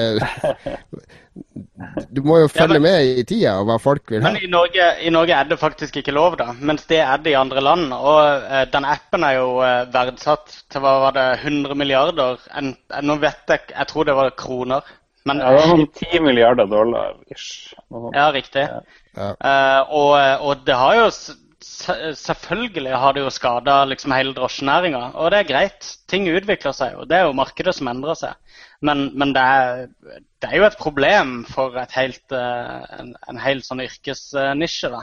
Og så er det sånn at du rangerer riden din. Du gir stjerne, så du kan jo også eh, bli mer eller mindre populær blant kundene av den grunn. Så vi fikk jo Candy da vi drev og kjørte én tur. og én drev og delte ut gratis vann. Da. så det var veldig opptatt med at, at passasjeren skal ha en bra tur. Og det er jo noe som har forsvunnet helt fra sånn drosjeturene. sa, altså, jeg skjønner ikke hva de skal ha den der løyva for heller. For når jeg kom tilbake til Norge, jeg hadde tatt flytoget inn, og så var det sånn skoleavslutning oppe på Ekebergsletta. Eh, Så jeg skulle rett opp dit da, med kofferten og alt, for jeg skulle rekke det. ikke sant? Ungene var der og alt. Så jeg heiv meg inn i en drosje, eh, og så han bare ja, hvor jeg skal? Ekebergsletta. Hæ? Hvor er det henne? Ja, Du er drosjesjåfør i Oslo, da vet du hvor Ekebergsletta er. Ja. Så måtte jeg forklare det oppå der. altså Du kjører langt bort, eh, eh, rett fram, langt, altså så oppover sånn. Og det har han klart ikke å finne den veien. Han skal absolutt kjøre opp Kongsveien. Og da sier jeg ja, men da kommer du langt bak, og så må du kjøre tilbake igjen. Altså, Ja. Og så var det sånn 305 Jeg brukte mer på den drosjen enn på fem drosjeturer i LA. Så det, det er en helt horribel opplevelse med en gang jeg kom tilbake. Hva, hva skal han ha sånn løyve for hvis han ikke kan kjøre meg dit jeg skal? Det er sant, det er sant. Men grunnen til at eh, vi har den løyveordninga, er jo, vil jeg tro, da, for å sikre at eh, folk faktisk betaler skatt også av det. Jo, men alt er jo ikke bra. Nei, men det Nå blir det jo sånn Uber-podkast der, men jeg møtte jo folk i de Uber-bilene som ikke visste hvor noe var heller. De måtte ha alt inn på den der eh, GPS-en sin, og du måtte ha en adresse og kanskje inn til dem. Vi sa vi skulle til Six Flags. Hvem, i, hvem er det som kjører bil i LA som ikke vet hvor Six Flags er? liksom? Det er jo den der amusement-parken som, vi må- som jeg må fortelle litt om. Så ja, ja. Ja. Det er ikke perfekt heller. Kjør eh, Six Flags, eh, Lars. Der, det ble ikke jeg med, fordi jeg går på tivoli når jeg har med barn, ikke når jeg er med Det voksne. her, det her var Sier jo han som tivoli. jobber med dataspill. Ja, det var, vi var vel tre-fire som dro til Six Flags på lørdagen. Og det er da noe av det kuleste jeg har gjort på lenge. Glem E3. Six Flags er konge. Du har sinnssykt mange berg-og-dal-baner, og de fleste er ikke for barn. Du må være over sånn brysthøyde på meg sjøl for å komme inn i de her ridene. Så det var veldig få små barn som for rundt. Det var mest voksne folk. Og så var det ufattelig mye latinos, men det er det kanskje i hele, i hele plassen. Men det var litt gøy å være i mindretall på et sted. Da. Sånn, eh, det var en ny feeling. Men uansett, det var eh, kongeplass. Du bare dra til Engelwood for å få den feelingen. Men f.eks. en ride som het eh, Supermann, eh, et eller annet krypton eh, når han ble angrepet av kryptonitt. Og alle de ridene hadde sånne rare navn som ikke hadde noe med riden å gjøre. Men den var i hvert fall den raskeste rollercoasteren i verden. Og da ble du skutt ut av en bil som fer baklengs. Og jeg vet ikke hvor mange G-krefter det var, men det var jo sånn du klarte jo nesten ikke å gjøre en dritt der. Du får, og så fer du bakover, og så plutselig blir det en stigning opp. Du fer sånn 100 meter opp. Og alt går bare sinnssykt fort. Det er sikkert over på 15 sekunder, hele greia. Og så drar du ned igjen.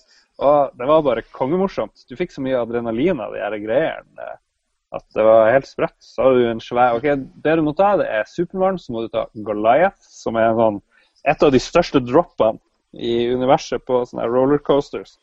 Det er der, eh, det der magen min, at den ikke vrengte seg på de ridene, er litt crazy. Og den siste jeg kan nevne, den het noe sånn Green Lantern eh, Nei, det var det her, han der med ringen. Hva farsken heter han? Det er han Green Lantern, er det det? Det er, ja, det Han har er sånn- green et eller annet. Ja, Aquaman, har ikke han eh, Er det ikke han som har ringen? jeg vet ikke. Det var, det var i hvert fall en av de her. Det var Beyoncé mye hun er en sang om en ring. Så- Men der blir, du Beyoncé bare, der blir du bare heist opp, sånn som du sikkert har i Tustfrid i hvert fall. Eller du blir skutt opp, eller hva det er. Men her blir du heist sakte opp. 100 og et eller annet noe meter, så blir du bare sluppet ned. Så det var liksom, Jeg likte de der annerledes rollercoasterne. De der helt standard hvor du sitter i en vogn og blir kasta hit og dit. Det holder liksom ikke lenger. Du må bli heist opp og henge etter ryggen ikke sant, på fly rundt omkring. og Det, det er det som teller. Så hvis du er i LA, dra til Six Flags. Tok kanskje en 50 minutts kjøretur fra, fra Venice Beach. Verd pengene. Og få flashpass sånn at du går forbi alle køer. Do it! Det er et lite glimt av det i uh, en av videoene våre. Nice. Men det, noe av det morsomste vi gjorde for min del, det var jo at vi endelig bada sånn der dagen før vi skulle dra. Fordi alle de andre hadde vært Nei, går ikke an å bade, det er så kaldt. Det er ikke noe golfstrøm, og det er jo iskaldt. Og, og så bad, gikk vi nå ned på stranda en morgen, meg og Lars og vår venn Torbjørn. Mm. Det var rett etter at vi hadde stått opp sånn klokka åtte, og så bare kasta vi oss ut i vannet. Og det var jo dritdeilig. Ja, det var bra. Det var masse surfere der òg, men det var vel ikke store nok bølger til å surfe. Men, jeg men det var store nok bølger for oss? Ja, jeg svelget jo en halv liter vann der eh, i løpet av den svømmeturen. Nei, det var flott å bade i Stillehavet første gangen. jeg har gjort det. Ikke la noen, Hvis du drar til, til LA og sånn, ikke la noen skremme deg bort fra å bade. Det er mer enn varmt nok. Ja, hvis du bor i Norge, så er det i hvert fall mer enn varmt nok.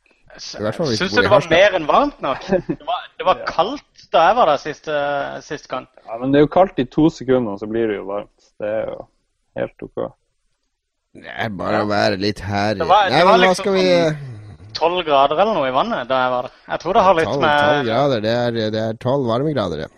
Skal vi, skal vi hoppe over den der eh, Skal vi hoppe over sushituren vår?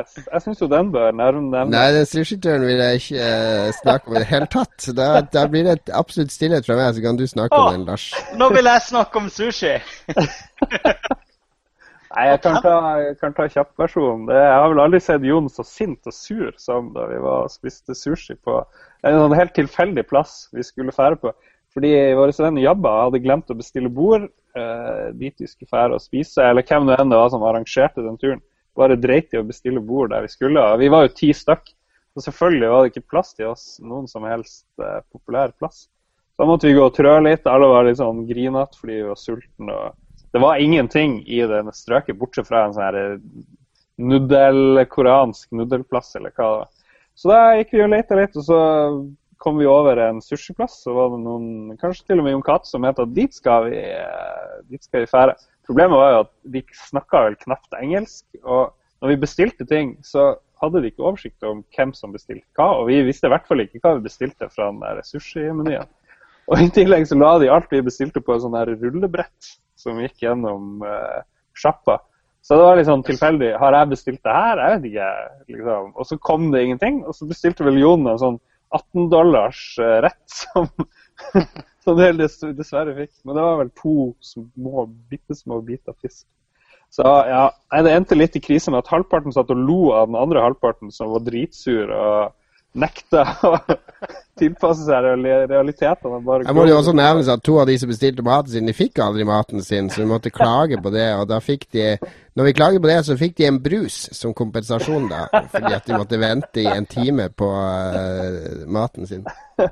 Ja, så men i stedet for å klage Det tok jo 1000 år før noen gidda å si fra at de ikke hadde fått mat, fordi alle var så uh, oppgitt. Eller, ja, fordi alt var helt random, og ingen skjønte systemet eller organiseringa eller noe. De tenkte at det kommer vel etter hvert. Men det var uh, ikke gå på det der ikke, jeg, jeg, husker ikke hva det heter, men jeg skal finne det på, skal finne det på Google og overalt, og skal gi det én stjerne.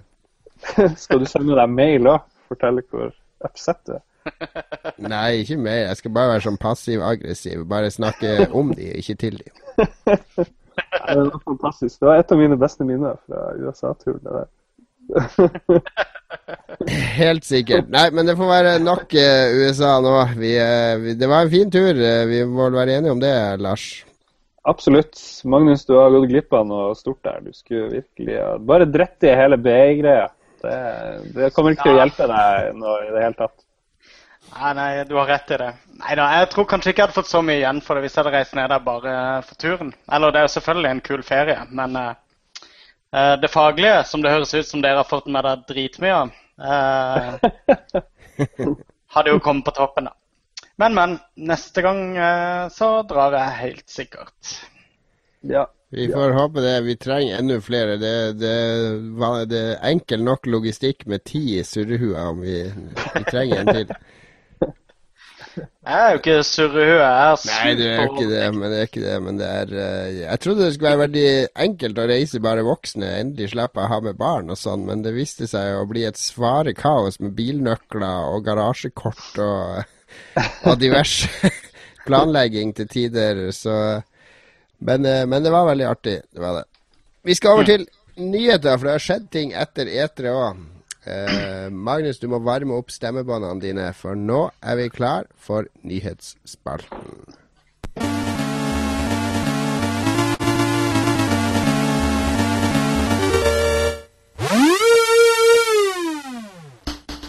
Phil Fish versus YouTube. Alles favorittspillskaper Phil Fish har vært i fokus igjen etter en serie tweets hvor han raser mot youtubere som tjener penger på å lage videoer av spill, og han mente at han burde hatt inntekter. Fish fikk som vanlig hele internett etter seg og valgte å slette hele Twitter-kontoen sin like etter utspillet. Uff, det var bra han ikke sletta hele internett. Ja, hele internettkontoen sin, hadde jeg tenkt å skrive. Eller si. Uh, ja, det er jo uh, en uh, veldig breial ting å hevde, da. Men Men Er det ikke bare trolling? Er det ikke bare å bare si 'se hva jeg kan gjøre'?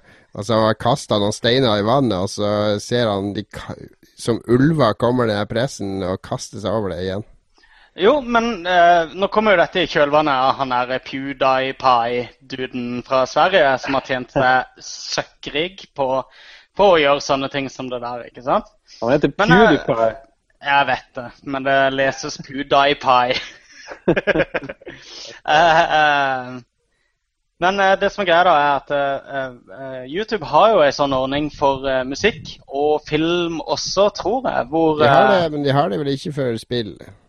Nei, nettopp. Så det, det er egentlig ikke helt på trynet det han sier, at, at Kanskje ikke så ekstremt som han sier det, men kanskje hvis de hadde funnet en måte å eh, automatisk tracke spill når de dukker opp i sånne feeds som det, så kunne eh, de som hadde skapt spillene, fått en liten andel av reklameinntektene som kommer som konsekvens av Let's Play-videoen.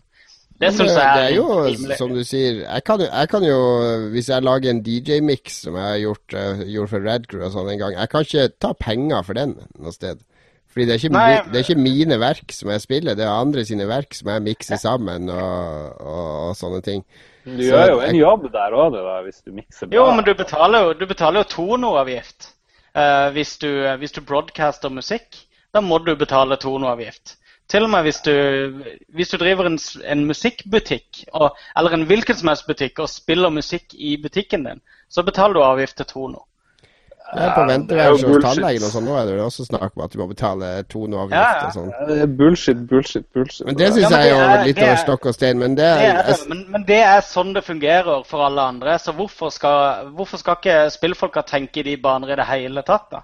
For det er jo folk som eh, Jeg leste en sånn Forbes-artikkel om han uh, koreaneren Sai, uh, som ble så veldig internettfenomen i fjor. Han tjener fremdeles dritmye penger fordi at eh, han godtar, i stedet for å, kreve at de legger ned sånne eh, parodisider og Eh, eh, og eh, folk som bare legger opp videoene sine osv. Så, videre. så så går han inn og får en liten andel av eh, reklameinntektene som de får inn pga. hans sine verker. da. Så det, det går opp, syns jeg. Jeg syns ikke det er så Det er ikke helt på trynet.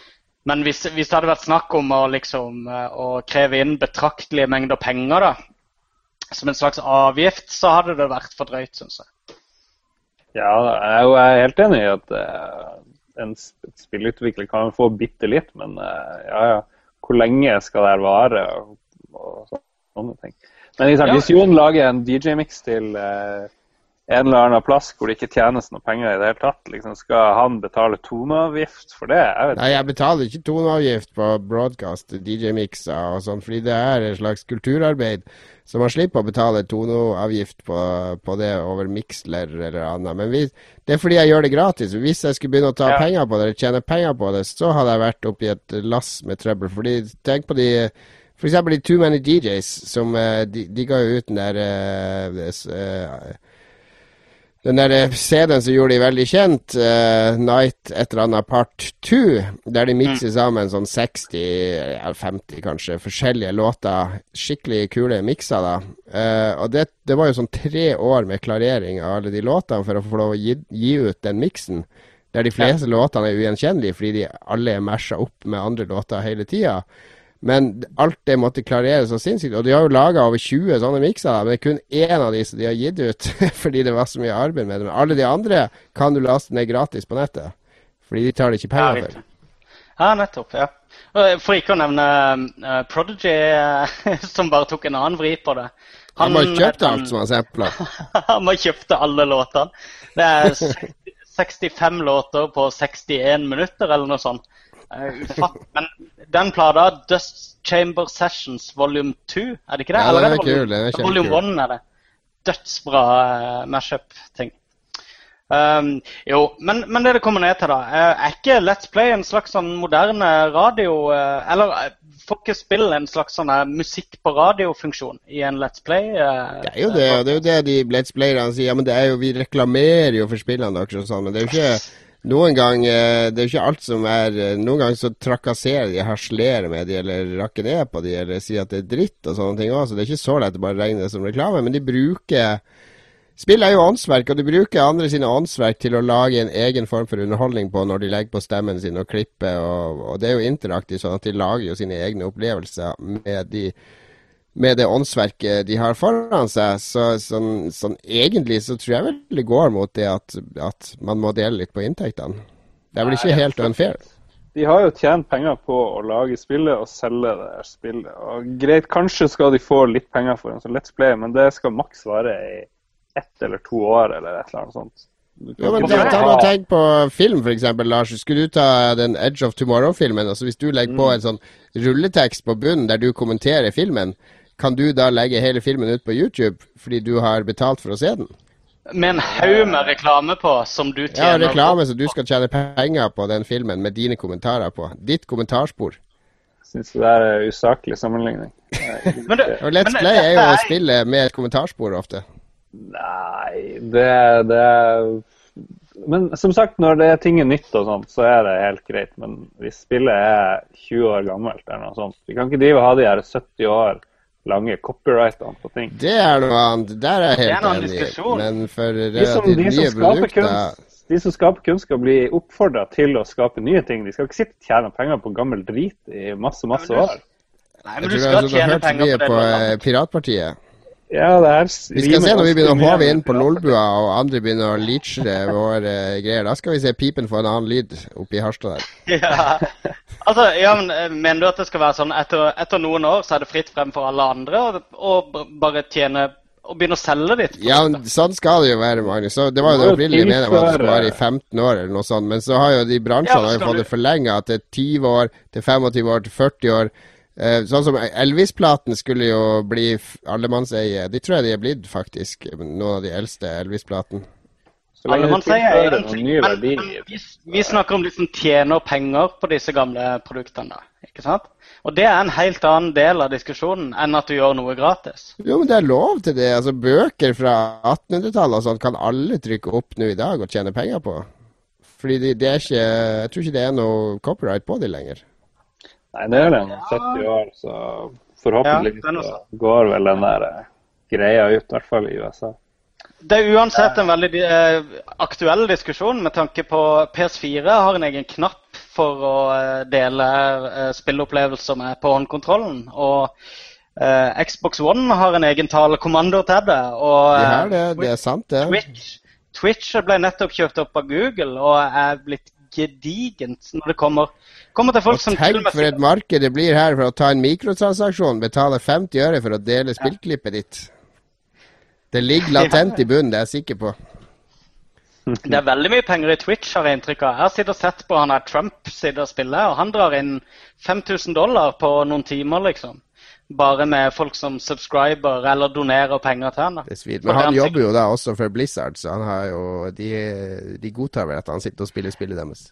Eh, ja, ja, men det var et eksempel på hvor mye penger man drar inn på det. da. Jeg skjønte det, jeg skjønte det.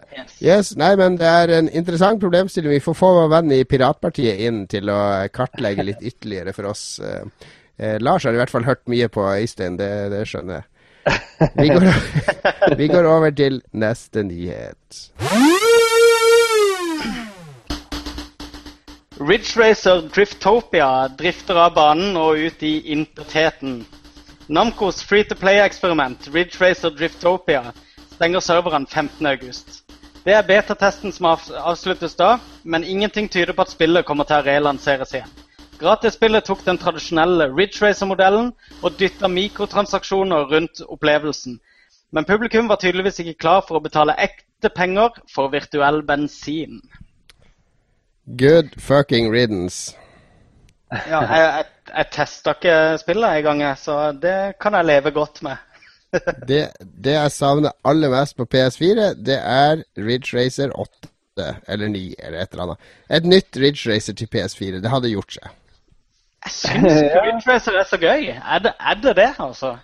Er det Ridge Racer 7 på PS3, det, det var egentlig litt sånn lunket i når det kom. Det var ikke så kult, det var bare mer Ridge Racer og sånn. Men så, jo mer og mer jeg hadde PS3, jo mer og mer kom jeg tilbake til det spillet. Fordi det er utrolig sånn avslappende, deilig, eh, inn i sonen-type spill. Jeg likte de spillene med få baner, hvor du liksom må mestre og bli bedre og bedre, i stedet for at du har 1000 biler og 1000 baner og møkk og lort. De gamle Ridge Racer, eller liksom Ridge Racer-modellen, hvor du har varianter av de her tre-fire banene, det er noe jeg liker godt. Altså. Ja. Og den der Driftopia er vel laga av de her finnene igjen, som lagde den der eh, forrige Burnout-kopien. Ja, ok. Så, Need, ja, nei. Men Namco er jo Namco er jo, de er jo helt uh, stormforelska i den der free to play-modellen. De har jo laga Pekken free to play, og de, de lager bare mobilspill. Og det eneste De lager jo omtrent ikke spill lenger. Jeg var jo så på og besøkte Namco på E3, og det var De har Dark Souls, men Dark Souls er jo From Software som lager, og Namco som utgir. Så det neste Dark Souls-spillet, Bloodborne, er jo Sony som betaler og utgir. Så da, det, det, det er jo ikke noe Namco-spill lenger. Så Namco har ingenting De har ja OnePiece og Naruto og de mangatingene for ja. de som er interessert i det. Ellers er det bare mobilspill og free to play og det er trist, trist å se. De var jo liksom Free to play! Husker du ja, Hva hadde? PlayStation 1 vært uten Amco, uten Ridge Racer og Tekken, liksom? Jo. Ja. De var jo med å definere hele den der, eh, det generasjonsskiftet der på 90-tallet. Ja. En av de kvalmeste øyeblikkene på årets E3 var den der nye sleskete Sony-sjefen i USA som sto og sang en ballade til Free to Play uten at noen Han skjønte skulle, være, han skulle bare sikre seg at alle free-to-player-businesspartnerne i publikum uh, var fornøyd. Han sto jo der og name-droppa det ene etter det andre, fikk ingen respons, og endelig fikk han respons på et eller annet spill, husker jeg, så bare There you go! og pekte ut i salen. There you go. Nei, det er fælt. Nei, men det er vel ingen som gråter for at Driftopia er borte. Nei, jeg visste ikke om det der spillet engang. Såpass. Yes, vi skal snakke litt om Vi skal ha en konsollsalgnyhet nå. Konsollsalget dobla i mai. Nintendo Wii U solgte 85% mer i mai. PlayStation Vita solgte 1600 mer. Software-salget økte med 57 til sammen. Økninga for maskinvare var 95% Det mest solgte spillet var Watchdog, hvor PS4-versjonen var mest populær. Nintendo kom på andreplass med Mario Kart 8. Morsom vits. Lars nekta å ta vitsen. eh, Vitsen din ble ikke tatt, Lars. Nei, vi har ikke salgstall for Nokias Engage, men regner med at omsetningen også der har Ja, nå skjønner jeg hvorfor den vitsen ikke ble tatt. Ja, det var ikke det beste. Men ja, eh, Ja, det er jo jeg, gode bruker nyheter. alle, jeg bruker alle muligheter til å nevne Engage. Som, ja. Hva skjedde i mai i fjor, da? Var det var ganske laber måned, var det ikke det? Jeg har ikke peiling, altså. Det, Det følte ikke jeg med på. Men eh, det vil sies visstnok at PlayStation Vitaen har blitt trukket av markedet sakte, men sikkert fordi den nye versjonen har kommet. Eh, Så da var det vel ikke så mye Vita å kjøpe i april, tipper jeg. Eller var det i fjor? Ja, nei, det sammenligner vel med i fjor, selvfølgelig. Ja ja, whatever. det selger mer. Er Vita en redda nå, er det det? De det er vel den der Borderlands-bundlen som kanskje har solgt mye. Ja, Borderlands-spillet var ganske populært på E3 i hvert fall. Det nye fra, fra disse her uh, Telltale. Ja. Ja, riktig. Nei, det er ikke fra Telltale. Det Nei, det er jo, det er jo de Nei, som nei, lager. Borderlands, som lager hvite Ja. Borderlands-folka. Ja, Som ja. pre-prequel, eller hva de kaller det. Uh, ja, de har kalt det noe uh, morsomt. Men uh, Telltale, eh, lager ikke de år ett? Jo, de skulle også lage noe Borderlands, men det tar vel år og dag. Men uh, ja. Ja, men Vita redde, jeg vet ikke. De, de annonserte jo den der Vita, PlayStation Vita TV på E3 for eh, Europa og USA. Er det noe noen av oss er interessert i i det hele tatt? Nei, ikke det hele tatt. Nei. Nei. Forget about. Nei, men det er jo fint å um, konstatere at uh, spillsalget øker veldig nå. For det, det har jo gått eh, hardt nedover i det siste. Men det har ikke vært noe spill. Det har ikke vært noen utgivelser. Det har vært helt Det er jo helt tittelavhengig. Watchdogs er jo en av de fem største titlene i år. Tre største, kanskje, vil jeg tippe. Sånn forhåndssalgs- og hypemessig. Ja. Så det er ikke noe overraskelse at den selger mye. Og så er det veldig gledelig at Mario Kart også selger masse, for den er jo også Det er mange som har venta på den, og når spillet innfrir så til de grader, så er det jo veldig gøy at det selger òg. Jeg har sett at eh, Mario Kart eh, står på display i samtlige Elkjøp-butikker i Oslo-området i hvert fall. Så det, det blir i hvert fall satsa veldig tungt på det. Ja, Bra. Bra, bra. det er kult. Så Nintendo har vel uh, trøkka inn eh, gasspedalen på eh, det spillet der. Vi får håpe det. Vi får håpe det. Yes. Det var det vi hadde av nyheter i dag. Jeg ser jeg står overskrift igjen. Har du lyst til å ta bare overskrifta, Lars? Magnus? Nå er, nå er vi på to.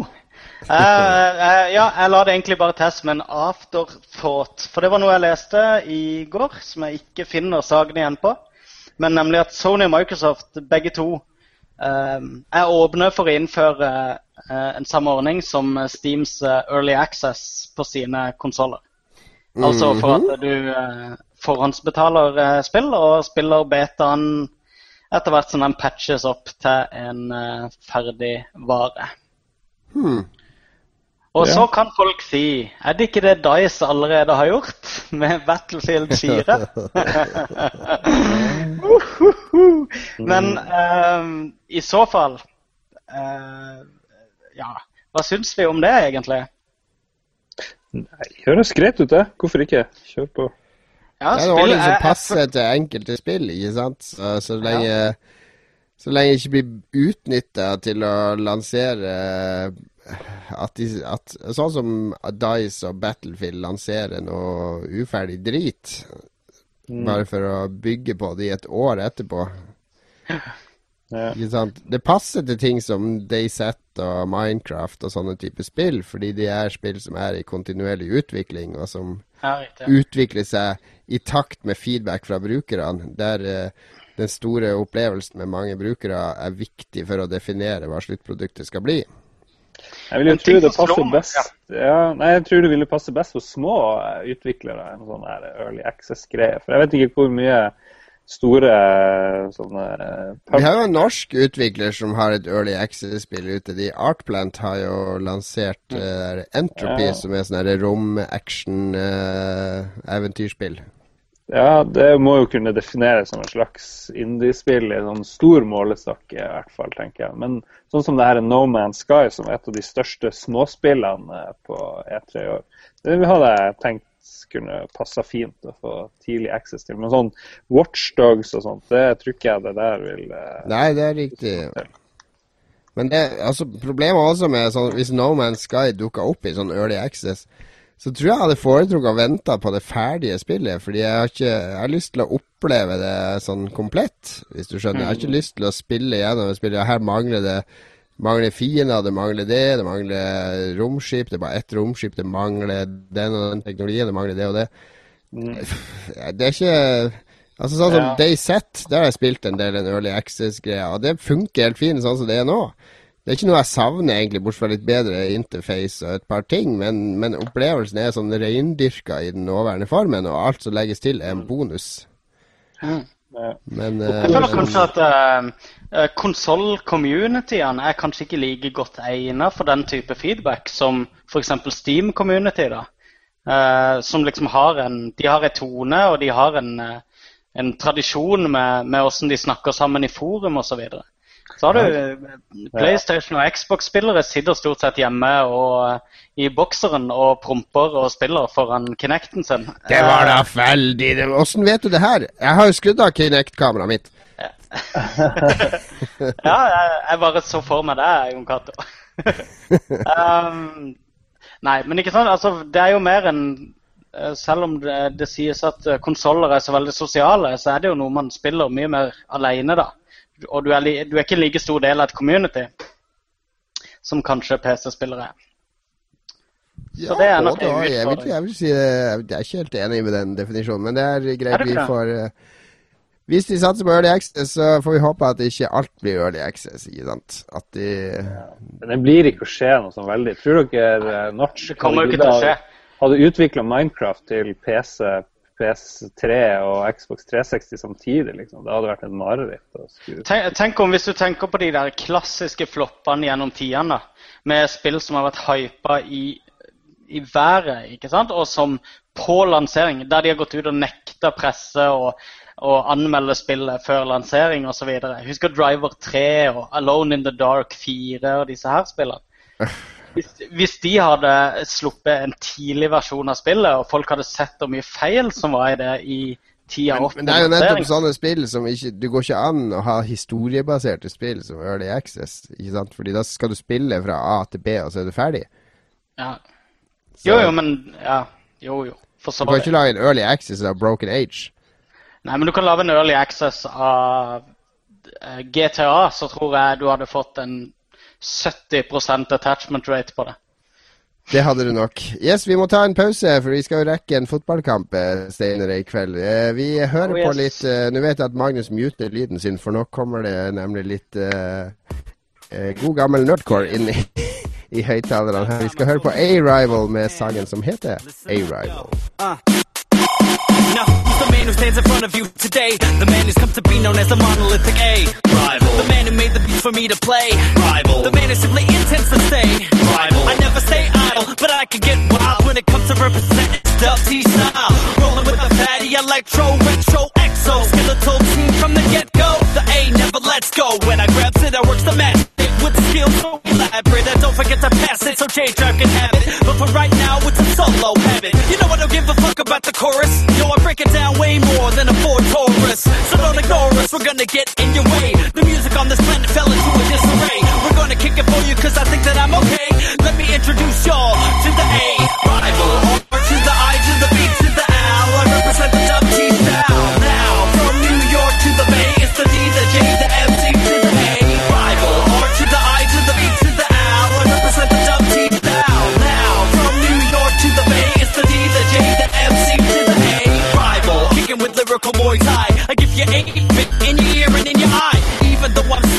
small, my skill tree is. And when I spit it raw, yo, I spit chainsaws. My teeth are almost as twisted as my thoughts, and my thoughts got more twisted than episode of Lost. I turn them into beats, and then I kick a verse. And now I got a track to make you jump until it hurts. I'm all about wave theory, all day, all skill, all kill, all work, all play. I'm another planet, but you already know. Cause I got an 8-bit slash alien flow. We love to rock them synths down to the ground. The backups in the sky The way of us funkiness, there's no way to compete.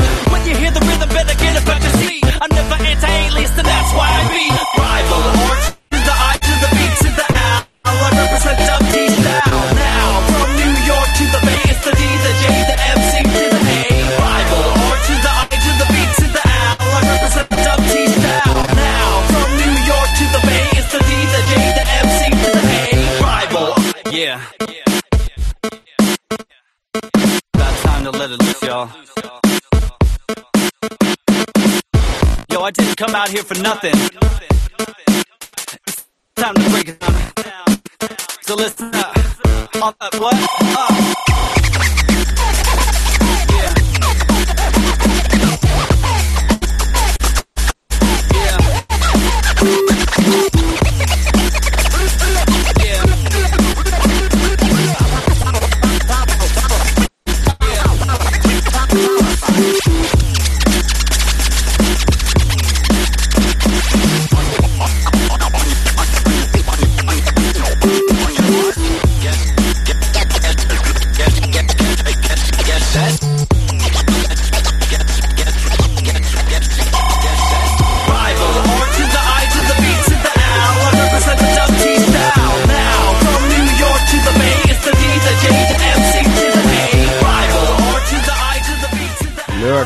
Fan av nerdcore, er du det, Magnus? Det er sånn som får deg til å gremmes. Eh, Litt, kanskje. Litt. Jeg, utgangspunktet er greit. Det er mange rappere som, eh, som snakker om dataspillene de bruker all tida si på. Så. Men eh, ja. Det er det. Eh, Spinkle hvite menn som enten eh, spiller reggae eller rapper, er det veldig lett å gremmes over, syns jeg. Du, du vet jo at eh, den spinkleste av alle norske rappere, altså Torstein Hyl den tredje i Sidebrok, er jo kanskje den feteste norske rapperen av alle. Ja, det er ikke noe eh, kategorisk regel jeg har, det er mer en innstilling.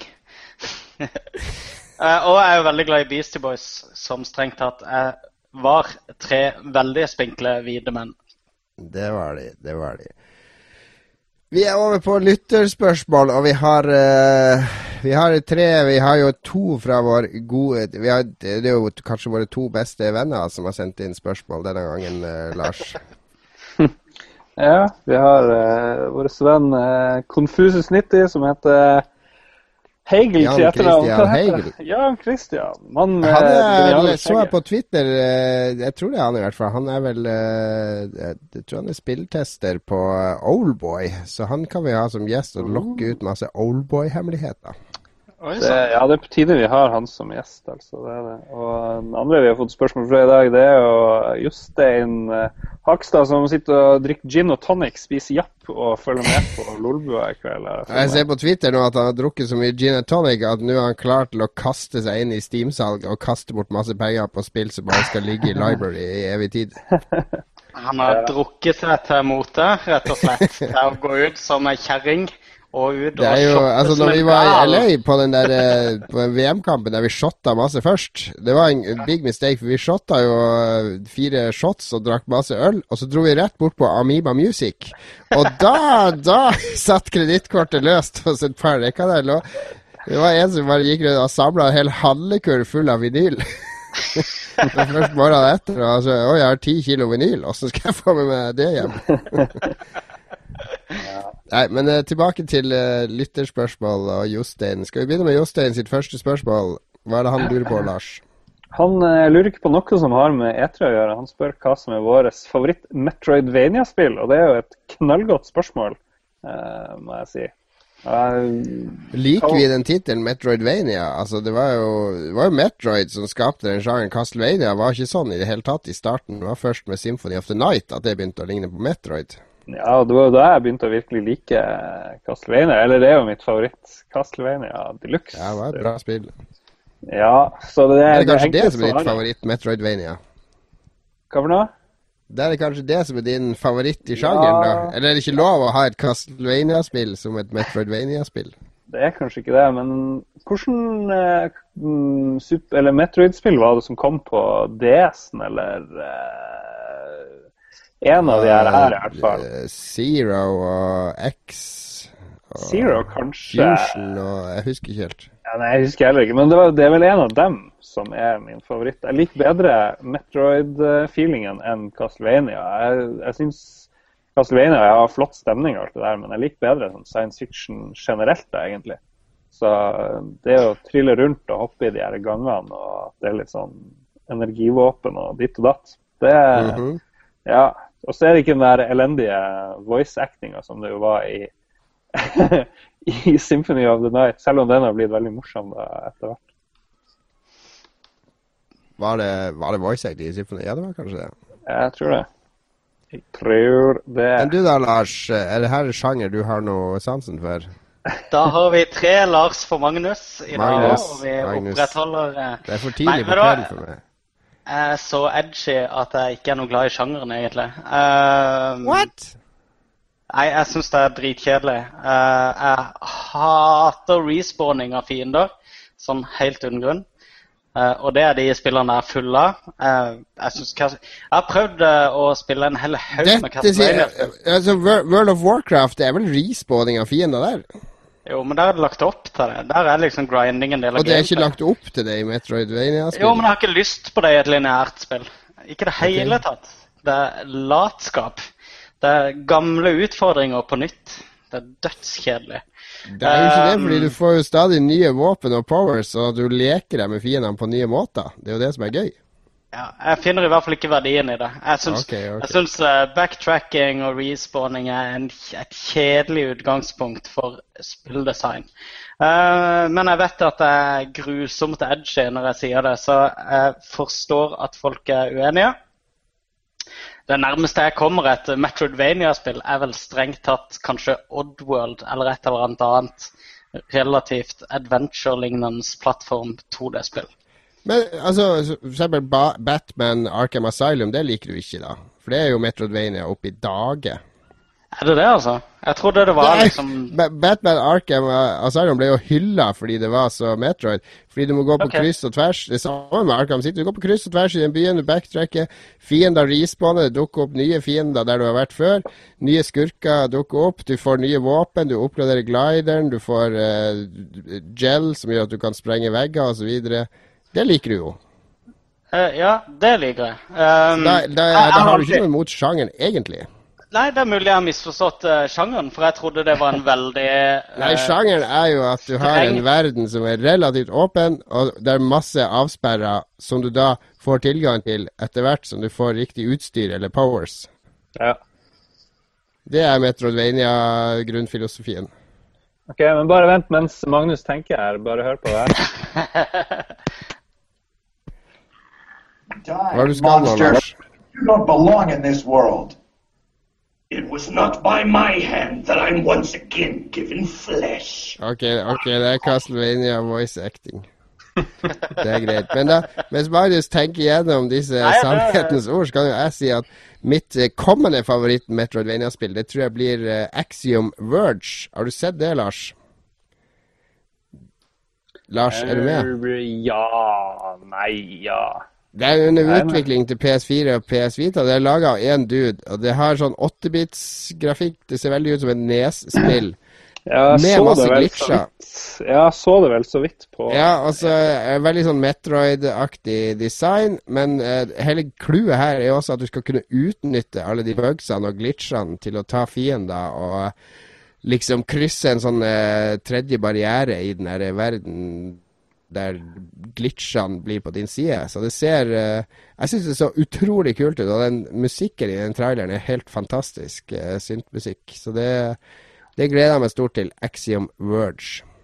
Jo da. Det, det, jeg tror var, man kunne se det på Sony-stand. De hadde ufattelig mye bra Ja, de hadde det vel der. Men får, jeg ser det på YouTube får mye piss, den der videoen. Fordi eh, han kunne jo laga litt bedre grafikk og litt sånne ting, men det undergraver litt av poenget med, med at du skal utnytte gamle Nes-glitcher og sånn. Ja, ja. Men eh, skal vi ta et nytt spørsmål fra Jostein? Go for it. Jeg driver, jeg har funnet enda et nytt spørsmål her, men det kan jeg lime inn mens vi får høre. Hvorfor trodde Microsoft at det var en god idé å basically bare si vil dere ha et nytt Conquer, så får dere gjøre det sjøl? Hvem er dere? Det lurer jeg på. Eh, Det var jo under Fikk du med deg det, Magnus, Ja. på den pressekonferansen Ja, når de visste det der Project Spark-greia, der man kan lage sine egne spill og spillverdener og sånn, så bare plutselig dukka Conquer opp? Ja, det var der det var. Ja, nettopp. Det var jo mer bare som en liten sånn her eh, Bare en liten sånn morsom, et morsomt innslag. At de er liksom Ja, vi husker Conquer. Eh, jeg vet ikke. Akkurat som Vib Ribbon og Sony, på et vis. Ja, riktig. Men det er jo mer bare Jeg, jeg savner egentlig ikke noe nytt Conquer-spill. Jeg føler liksom det var veldig kult da det kom, men det har ja, Den type Ja. spill er jeg ikke så veldig interessert i lenger, egentlig. Kanskje Ja, jeg tror- forbi den college-humoren. Ja. Jeg, jeg tror det er litt sånn sorry, Jostein, at tror ikke verden er klar for et nytt Conquer-spill. Jeg tror det er veldig, veldig få som har lyst på det. Men eh, ja. Få som. Men, men eh, humorsjangeren er jo ikke så veldig godt representert i dataspill. Er den det, egentlig? Jo, men sier vi ikke det hver gang det kommer et humorspill, så sier vi at det fins ingen humorspill. Så gjør det egentlig det. Ja, jeg Altså, syns det, det er ganske mye humorspill. egentlig. Ja, jeg syns er også det, egentlig morsomt. Det er ikke så mye humor i sånn Triple A, i hvert fall. Det er nå Jeg vet ikke. GTA. GTA er vel det store Ja, og Saints Row, da, for Saints helsike. Det er jo en ren ok. eh, slapstick-humorspill. ok, Er det feil å si at jeg har ikke spilt noe særlig på noen av de her Saints Row-spillene? Jeg syns det bare var litt sånn Jeg vet ikke. Springe rundt med en dildo. Det har vokst forbi det, ass. Det er, men det er jo, det er jo likevel humor for noen. Selv om det ikke Ja, er vår humor. Ja, nei, hadde jeg spilt det, så hadde jeg sikkert syntes det var gøy. Absolutt. Det, det, jeg trekker tilbake min uttalelse om at det er lite humorspill, men det føles i hvert fall sånn når man sitter og gnukker gjennom de her eh, spillene vi ofte anmelder. Det er mye pretensiøse ja, greier. Ja. Men akkurat det med Conquer i Project Spark, det er jo en eh, det er en artig døråpner hvis de gjør noe mer ut av det. Hva om de får lisensiert inn andre spillfigurer, f.eks. Uh, Banjo Kazooie eller uh, masse andre kjente spillfigurer. Det kan være Bob og Bub, de er to dragene fra Bubble Bobble og sånn. Og ser, her er de. Nå kan du lage ditt eget Bubble Bobble og sånne ting med de offisielle en- figurene. Det, det har vært en god idé. Det åpner for, for fordi folk Folk er jo i utgangspunktet ganske kreative, men man blir enda mer kreativ når man får leke seg med noe man kjenner fra før, og omforme det på nytt. Fikk dere testa Project Spark i eh, Amerika? Nei, det, det er jo vanskelig å teste, fordi det er jo et sånt skaperverktøy. Men det er jo tilgjengelig på nett nå. Det har jo vært Ja, tilgjengelig lenge. Jeg har ikke prøvd det ennå sjøl. Men det jeg ser av sånn ferdig brett der, ser jo dritfett ut. Men jeg kan ikke se for meg at jeg kommer til å bruke så veldig mye tid i spillet. Nei, Jeg er enig. I'm a player, not a creator.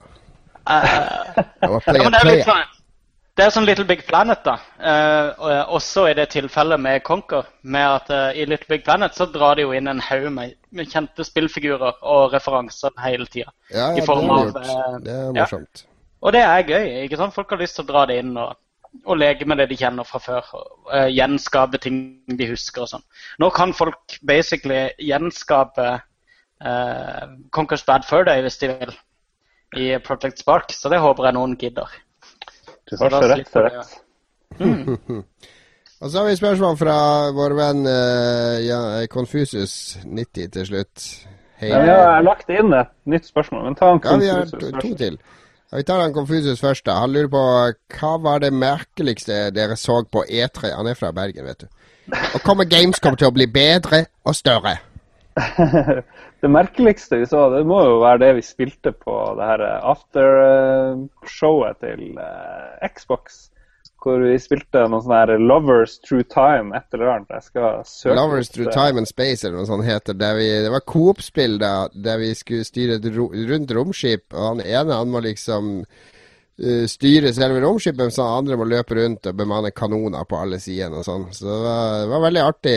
Veldig gøy 2D indiespill. Og han eh, creatoren sto jo bak oss og Mm. hadde en veldig eh, lekker snurrebart. Han var veldig imponert av oss. Lovers in a Dangerous Spacetime eh, heter det faktisk. Ja, riktig. Men det, var, det, men det var ikke så snålt, det var det? Så du ikke noe snålere enn det?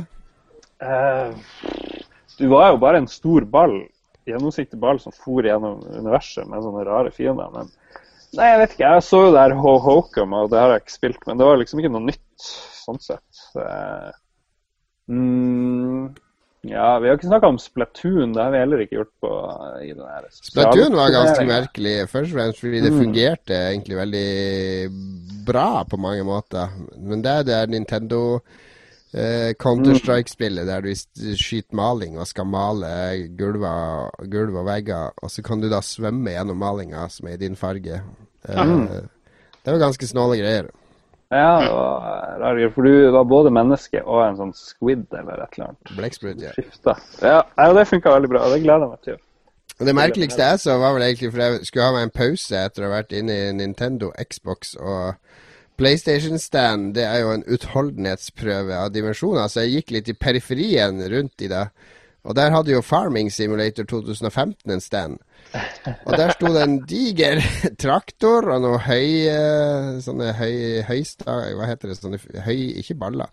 Sånne firkantige, pakk, sammenpakka høygreier. Og så var det en budeie der, og så en uh, cowboy. Og det var det. Det var ikke noe skjerm eller spill. De hadde bare tatt med seg en traktor og logoen til spillet og noe høy. Og jeg, jeg bare Ja, her, er- her, er- her er vi. Ja, du kunne ikke spille Farming Simulator. Det, Nei, det, de kunne ikke det. Jeg så Cara Ellingsen, eller hva hun het i England, gjorde et stort poeng ut av det i sin E3-artikkel. At, at, de hadde skjønt E3, for det handla ikke om å vise fram spill. Det handla om å vise fram drømmer om spill. Så det var ikke noe vits å ha med spillet, bare ha med konseptet. Ja. Så det er egentlig ganske god catch. Skulle ønske jeg hadde catcha det sjøl, men all kreditt for den går til Cara. Ja. Og da har vi til slutt I, Ivan Skjold, Lars. Hva er det han lurer på? Han lurer egentlig ikke på noe, men jeg tok det med likevel. Kjøpte meg Sega Master System denne uka. Oppdaga Wonderboy, at det var et skikkelig gøy spill. Litt avveksling fra PS4. Så tok jeg med bare et spørsmål, fordi det må jo være et spørsmål her. Og tror dere jeg er pen? Og det tror jeg. Jeg tror han Ivan Skjold er en vakker eh, fyr.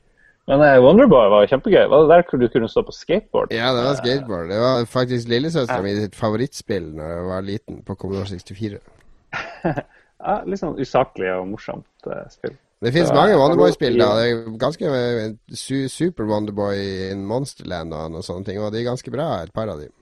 Ja. Jo, jeg husker jeg koste meg med det på sikkert Amiga eller et eller annet sånt. Men om han er pen Jeg kjenner bare én Ivan, og det er han der Ivan Mitchef fra Harstad, Lars. Jeg vet ikke om du kjenner han?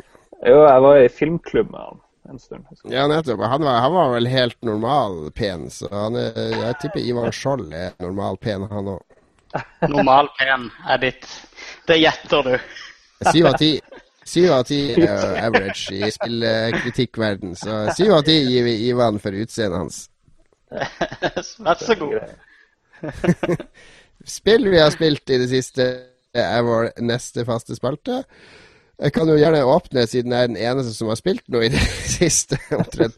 Jeg har spilt eh, Jeg har lest mye bøker, men det er en annen sak. Jeg har spilt, eh, Det eneste jeg spilte under E3-reisinga og litt etter jeg kom tilbake Jeg har akkurat begynt på Wildstar, da, men det kan vi heller snakke om.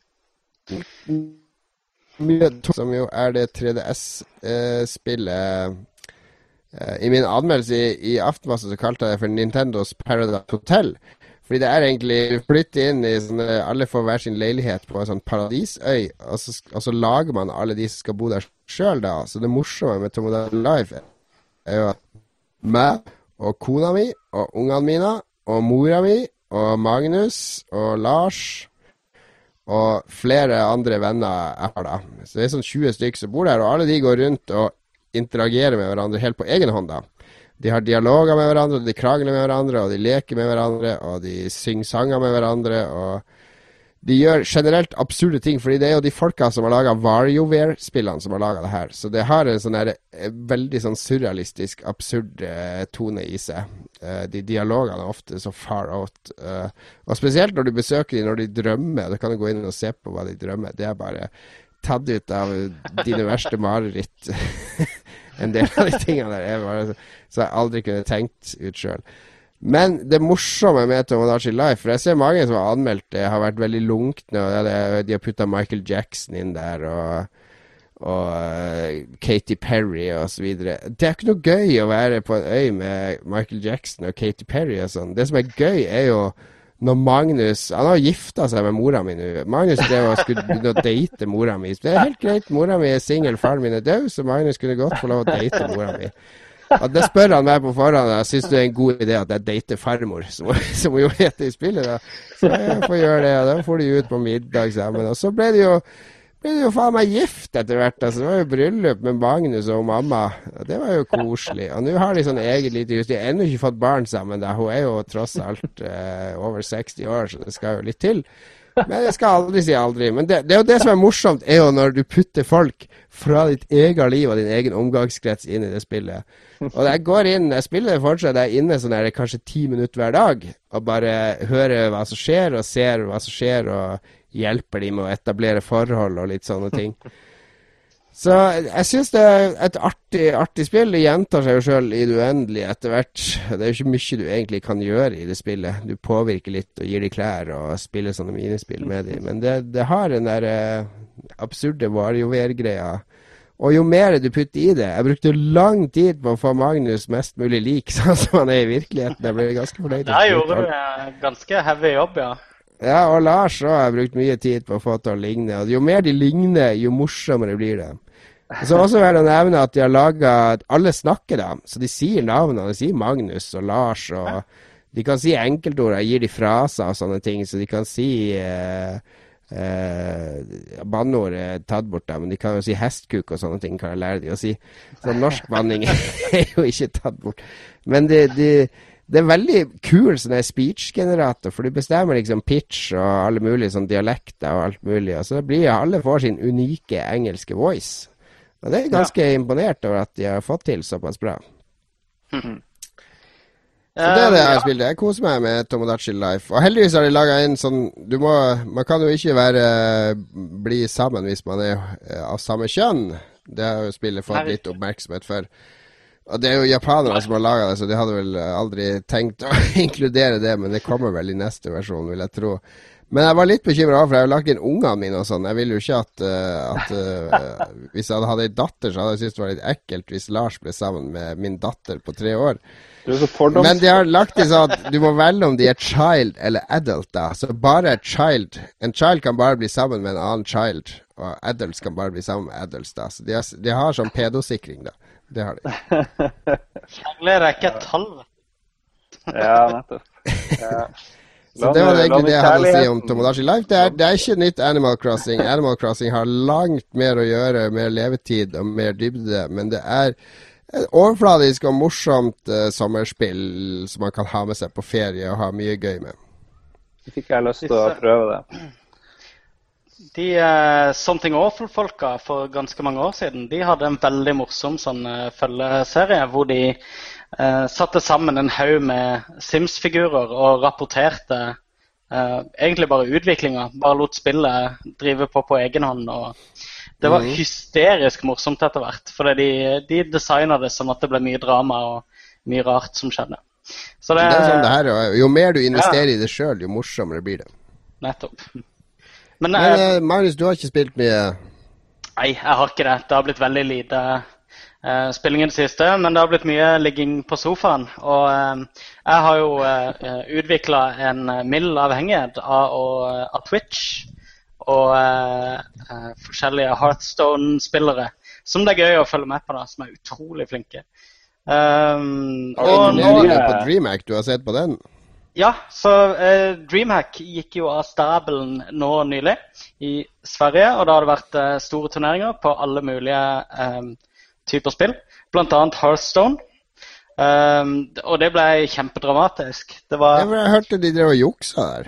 Ja, uh, han er en av mine sånn, favorittstreamere. heter uh, Amas, som er en sånn dude i Hongkong. Som er utrolig vittig, veldig geeky type. Han kom til finalen og spilte mot en sånn liten kid som heter RDU. eller noe sånt. Uh, og han, uh, han, RDU, la oss kalle han det uh, Han For det, de spilte det på iPad. Det var greia, da. Så det var veldig mange som dreit seg på det hele veien. For de var vant til å spille på PC. Men de spilte med sine egne brukere. Og Blizzard har ikke lagd noe tournament mode eller noe tournament-versjon av spillet. Nei. Sånn at han RDU ble konstant chatta opp av vennene sine mens han satt og spilte, mens de kunne sitte og se på streamen uh, live. For de hadde ikke lagt inn noe lag. Uh, det er veldig vanlig. Uh, League of Legends så legger de inn en fem-seks minutter lag for å unngå ja. nettopp det. da. men Heartstone-kamper kan jo fint vare i 20 minutter, halvtime. da. Um, så de, de, hadde ikke gjort det. Og på et punkt så var det en uh, sånn random venn som han hadde adda rett før finalen, som uh, plutselig forteller han hva han Amaz har i hånda. uh, rett før han vinner. da. Uh, og uh, dommerne mente da at nei, det samme utfallet hadde skjedd uansett. Så de lot det skje. Og han Amaz har gått ut etterpå. Han er sånn super nice guy.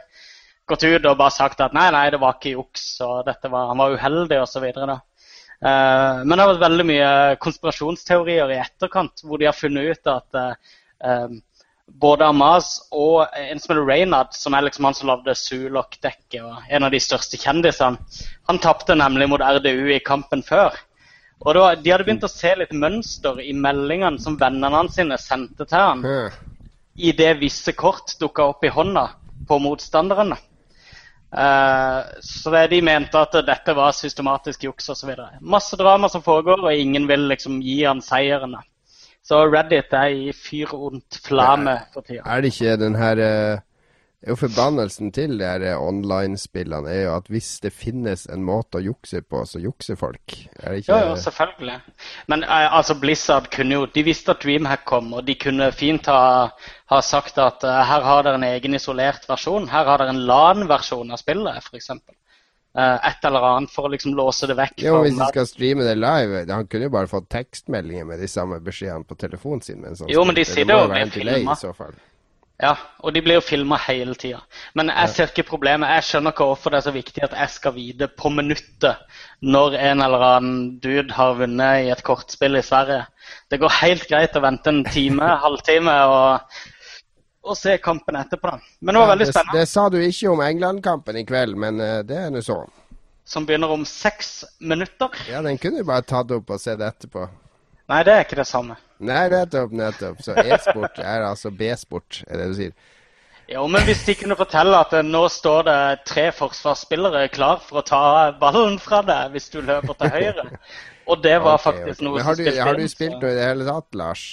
Eh, bare det vi spilte på E3. Og, eh, Men det er jo ikke ferdige spill. Det er, Det er jo ikke ferdige spill, så hvis vi skal prate om det, skal vi heller gjøre det når de dukker opp. Vi får gjøre det, da. Vi får vel egentlig si oss ferdig med sendinga i dag. Den blir, uh, selv om uh, denne eh, videoen her ikke er så veldig lang, så skal vi jo legge inn et halvt times langt klipp, så den blir jo lang nok til slutt. Ja. Det gjør det nok. Vi, er, eh, vi skal ikke ha sommerferie ennå. Rekker vi en sending neste uke òg før vi tar sommerferie? Jeg klarer hele sommeren, jeg, altså. Det går fint for meg. Jeg klarer kanskje en del av sommeren. Hva, Lars, klarer du, da? Vi får se. Vi får se. Vi får lage oss en plan. Ja, jeg, jeg drar muligens ut på seiltur ei eller to uker neste måned. Så, Seiler de? jeg... Seiler de? Hva var det for noe? Skute? Nei. Å, Å, det da ble det internt her. Men det er spillrelatert. Vi lover, vi lover. Vi skal snakke om det en annen gang. Jeg har en Seilerdi spesial. Magnus, du må huske å lage den berømte splashen. For de som lurer på hva det er, så er det coverbildet på uh, Lolbua. De som ikke har sjekka ut E3-videoene våre, gjør det. Gå på, uh, Søk opp Lolbua på Facebook, så finner du gruppa vår. Det er den med noen hundre medlemmer, ikke den der uh, kopigruppa med fire. Så vi skal i Phil Fish-ånd kreve penger av den gruppa. Nei, nei, nei. Den skal få lov å leve. Den skal få leve, sier uh, Lars. Følg oss på Twitter, Lolbua, Fleksnes, Magnus Tellefsen, Lars R. Olsen. Facebook, Lolbua2000, som vi heter der. Uh, er det noen andre steder å følge oss? På YouTube, der er kanalen JC Lorentzen. Men kanskje vi prøver å omdøpe den i nær fremtid. Følg oss på YouPorn. For Lars på YouPorn, hans private kanal. Han er der hele tida. Jeg er der nå. Tviler ikke. Vi skal se England, eh, Uruguay, er det det? Yes. det blir, skal vi spå resultat allerede nå, så skal vi le av de som tok feil neste gang. Jeg Ja. spår at England gjør en comeback nå. Det blir 1-0 til England. Du tror 1-0? Ja, 2-1 hadde jeg gjetta. på Til. England. Lars, hva spår du? Uh, England taper 1-0. Ingen tvil. Ok. Det har vi spådd. Vi høres igjen neste uke. Ny episode av Lolbua neste uke, altså. Det er godt å være tilbake fra E3. Det er gøy, men det er slitsomt. Det må vi innrømme. Vi snakkes. Ha det bra. Ha det bra!